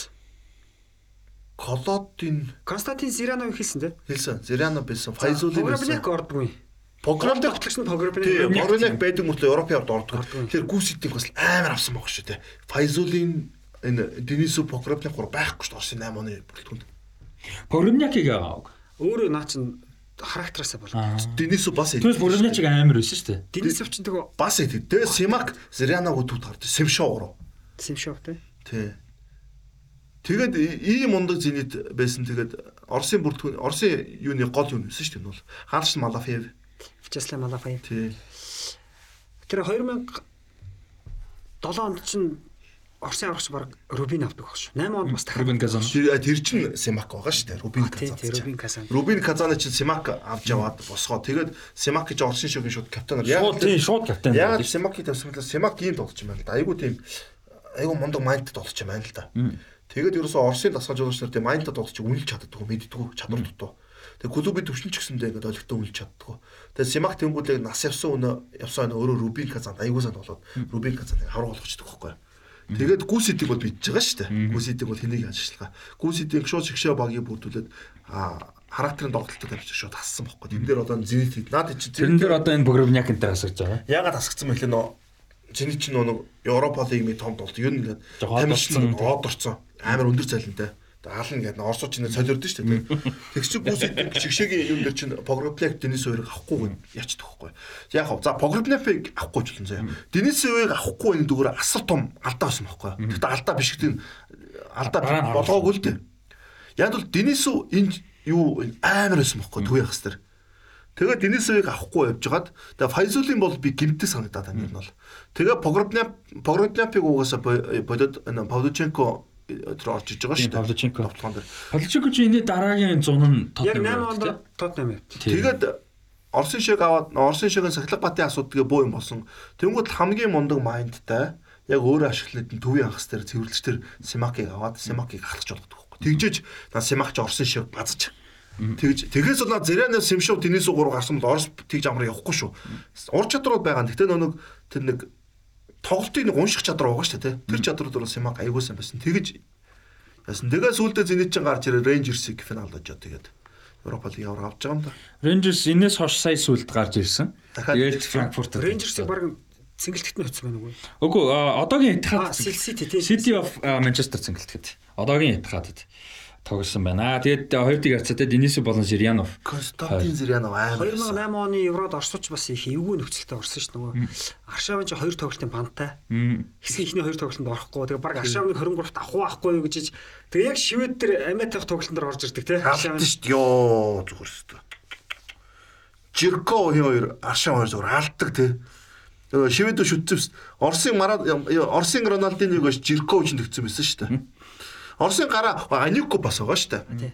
Баруун зүг хамгаалагч. Тий. Акинфеев, Анюко, Колодин. Хоёр Игнашевич. тий гэхдээ Широко эхэлж гараад Широкой суулгачтай те. Игнашевич, Тэгээ зүүндээ Жирко, тэгээ Симак, Симшов, Зырянов, Сириано 3. Павлученко тэгээд өөр чи юм байла чи үүрлүүч. Яг амарч. За Аршавын зөвд орчиж байгаа. За Торбиски бас сэлгээ. Сэлгээ, Торбис. Аршавч ихлээр байхгүй. Тий. Өө нөө 9 дугаартай нөө нэг сэлгээр орж ирэх нөхрөөс тэр чин хаяа гараанд авдагсан юм билээ. Юуны тэр сүүлд бас Нидерландаас бас гараанд орж ирдэ шүү дээ амархан тэртэй. За би ямар ч сан хараад. Өө яагаад орсон юм мартыг сони. Одоо ч тэг юм амархан мартдаг болчиход байна. Симшов, Зырянов, Симак, Аршавын, Павлученко нэг нь харин байнга дууртай гэсэн нөө Иван Санко. Сайнко байхгүй тий. Сайнко ч баруун зүгүүр их гарч таа. Тэгээ угаасаа нэг зүгүүр айгу солидина. Диниар Билалетино байгаа шүү. Тийм билэлэт тийм. Билалетино байхгүй. Нэг нөгөө гараа. Зүүнд үү? Зүүнд гарна тий. Зүүнд гараад Аршаа унжин довтчийн арлуура Зэрянав чинь Ялтин чинь үед Эвертон явцсан. очоог ус очоог ус дараа бүр. Энэ Оросын бүр хэдэнчлэн. энэ Оросын бүрэлдэхүүнд Иван Санко ганцхан одоо Оросоос өөрөөс тоглолт. Нюрнбергт тоглолт. Бус бүгд Оростой тоглолт. Билалетин ч баг хаад 2 3 шинээр авдаг шүү. Тэгээд хамгийн гол нь Оросын асуудал чинь байхгүй. Дараа нь дэлхийн аварга Словентэд тоглож шүү дээ. Тэрэн дээр нь Оросч Словентэй эхлээд тоглоод Ууцсан шүү дээ. уугаад тэгэд уухтай нэг Билалетино Акинфе өрч явдаг байхгүй. Тэгээд тэр тоглолтын дээр энэ Дэвич голчдээ шүү дээ Словенээс. Тэгээд Гүсидийг ч мөр аргаа орсон. Тэгээд балж яах айгүй гоё ярдэ энийг бол яг үндэ бол аа Гүсидийн туслах нь ингээд Нөх хин штэ. Өө заавч. Александр хин штэ. Урт үстэй эхний үсгийн нэлээдэгтэй. Эхний үеийн балж яах хэвээр амар хөтэй. Би бол балж яах шиг ярьж. Хаалгач байсан наа чин. Нэг Спартакийн хаалгач байсан нөхөр. Чигчээс биш шүү. За за хаж. Тэгс чи ингэдэг байхгүй. Тэгсэн чинь ингээ хожигдчихж байгаа шүү дээ. Словен дэлхийн авраг мултраад бүгд онцлоо суугаад. Тэг гүсидийн ч угаасаа ингээ юу болсон процессыг ойлгож байгаа шүү. Тэгэд тэр балжаах бол ингэ тайлбарлаж байгаа. Гүсидийн хинтээ ч юм дуурчдаггүй. Царай нь бүр ингээ ховсгийц зэвс. Би бүр хажууд нь очиод юу ч хэлж чадахгүй. Уг нь битээр ингээ найдварч өгдөөс юу ч хэлж чадахгүй ингээд байж тээ. Би бүр аргаа хараа та усуух уу гэж асуусан. Толгоос юу ч дурах. Би амьдралдаа хүнтэй дэж харстай эвгүй байдалд орж үзээгүй амар гоо ярьдэн цаад юм бол яг тэгж ярьж байдаг. Тэгээ өсөний туслах сажуулагчийн хэлснийг нь барьж ах тэгж. Тэгээд айгуу гоо яриа. Тэгээд гүсидэн бол болж. Хэрвээ тэн дээр Орос тэр одоо юу чинь гүсидийн үгэнд ороод тэр Словен дээр гайгүй дуулсан дэлхийн ордоор Орос 10 онд айгуу гоё дуулж болохоор байсан байхгүй. Тэгээд тэр үчин бараг Денис өдрөө буцаага авчихсан үе шүү бараг буцаагаад. Тэгээ Оросууд чинь тэр үеч одоо 8 оны Еврогийн дараа нэлээд олон Европ тоглоод эхэлсэн. Тий бас нэлээд сайжирц үе байсан шүү дээ. Сахилгатаас л одоо ингээд өөрсдийнхөө 10 оны дэлхийн ороо. Погребняк бүрэлдэхүүнд нь байсан юм. Тэгээд гимтэлтэй Тэгээ гимтлээсээ эдгээгүй болохоор оронд нь Олег Иванов гэж юуны одоо энэ Советов Самара гэж багт тоглолтог залуу гэдгийг авч явж исэн юм байна. Тийм. Ямар ч Денисов бол сахилгын асуудал үү те. Аа. Код энэ яг иймэрхүү. Байна да нэмэх юм байна. Аа 2007-аас 8 оны үйлрэл дээр. Болчлоо дөө. 2007 оны 7-8 оны үйлрэл чинь нөгөө нэг AIG-тэй United юм юм өст те. Алдагч л. Өстө гоё өмсгөлтэй. Тэр өмсгөл надад байсан. Тэгээд нэг хүнд өгж явуулаад бүтэн мөрөгцсөн да. Үнхээр гоё өмсгөл тэр. Өстө iconic те. Өстө төөхөн. United. Тий. Яг Роналдог яг гялалцдаг жил дэлхийн шилдэг авсан. Балан дор бас авсан те. Ер нь энэс хойш балан дор энэ чинь нэг болчдөг лөө. Тийм 10 оноос нэг болт. А 10 онд чи FIFA балан дор гээд тэг хэд он боллоо? Нэг хэд сайхан хэдгэнчлээ юм. 9 онд дуусахт нэг аваад яг ячдаг үстэй. Тэгээд тэгээ FIFA дор орчихсон. Тустай байдیں۔ 10 онд Өмнөд Африкийн бүгдээр тулсад дэлхийн аврал шалралт тэмцээн болоход FIFA France Football хайж. Энд тэрний өмнө 8 9 он нэг нэг тустай аваад тустай тустай тий. Тэгээ балан дорын тайтлыг ер нь илүү өргөд өгсөн дөө. Тэгээ FIFA нь өөрөөсөө одоо the best гэдэг тэнийг нэртэй юм хийж байгаа. Тэгээ тэр нь. Өдөр балан дор чинь зүг бохгүй. Яг цэвэр сэтгүүл төрөнд одоо FIFA-гийн шагнал ч бас заримдаа хэцүү шттэ тий. Багийн ахлагчд баг. Хэдүүл өвөл төхөд ирэхээр балан дорын тухайг сэтгүү гаргаа заа. Тэр бол энэ ялгааг нь хэлий хүмүүс бас холио. Ялгаанаас нь гоё тэр дээр үн түүхэн яри тий. Нөгөө юм ба. 5 сар дээр ингээд Stanley Matthews гэдэг эхэлдэг тий. 56 Blackpool тэг их хөгшөндөө авсан юм байл шүү дээ. Тийм 40 гараад авсан тий. Тэгээ tänээс хойш ингээд шүү дээ бүгдийн тий. Оноор ингээд бүгдийн шээ. Найзтай чи суугаад тэд оног чин тэр ингээд бүр ингээд ярддаг өссөн. Champions League авсан эдийг зээжлэн, Ballon d'Or-ыг зээжлэн тий. Дэлхийн аварга Евро гэж бүгдээр Дэлхийн аварга бол бүр амархан гурван байртайгаа мэрэгэн буучтаа байдаг өссөн шүү дээ. За тэгээ Ballon d'Or энтриг бас тайлбарлаж нэмэх бах тий. Ямар төв. За энэ жилээс бас өөрчлөгдөж байгаа шүү дээ. Аа тий. Тэгэхээр сонирхолтой болох гэж бодож байна. За тэгээд энэ үрээд өндөрлөх үү? За тэгье. За энэ үрээд өнөөдрийн дугаар маань 11 дахь дугаар маань өндөрлж байна. Хамтаасан та бүхэндээ баярлалаа. Тэгээд Web Sports Lounge-аар өөрчлөлцөөгээрээ. За тэгээд дараа 7 хоногт дөнгөж одоо энэ 7 хоногт бол Испани Ла Лиг бол Итали Serie А эхэлж байгаа. За бас бусад лигүүд эхэлнэ. За тэр тэдний талаас бас харж агаад одоо мэдээж 5 топ 5 лигийг бүх тоглолтыг ярина гэж байхгүй 7 хоног болно. Ер нь сонгосон сонгосон тоглолтуудаар онцлог зүйлүүдээ яриад явнаа. Одоо нэр нөө юу гүзэрээ. Исмаил Сарын нэг амар гой гол орсон л ч тийм сая юунд Championship West Bromwich эсрэг Watford зооны араас зогсон байл амар гоё нэр хайлайт үзэр. Тийм. За тэгээд энэ үрээ дуусгая дараа 7 хоногт уулзлаа түр баяр та. Баяр та.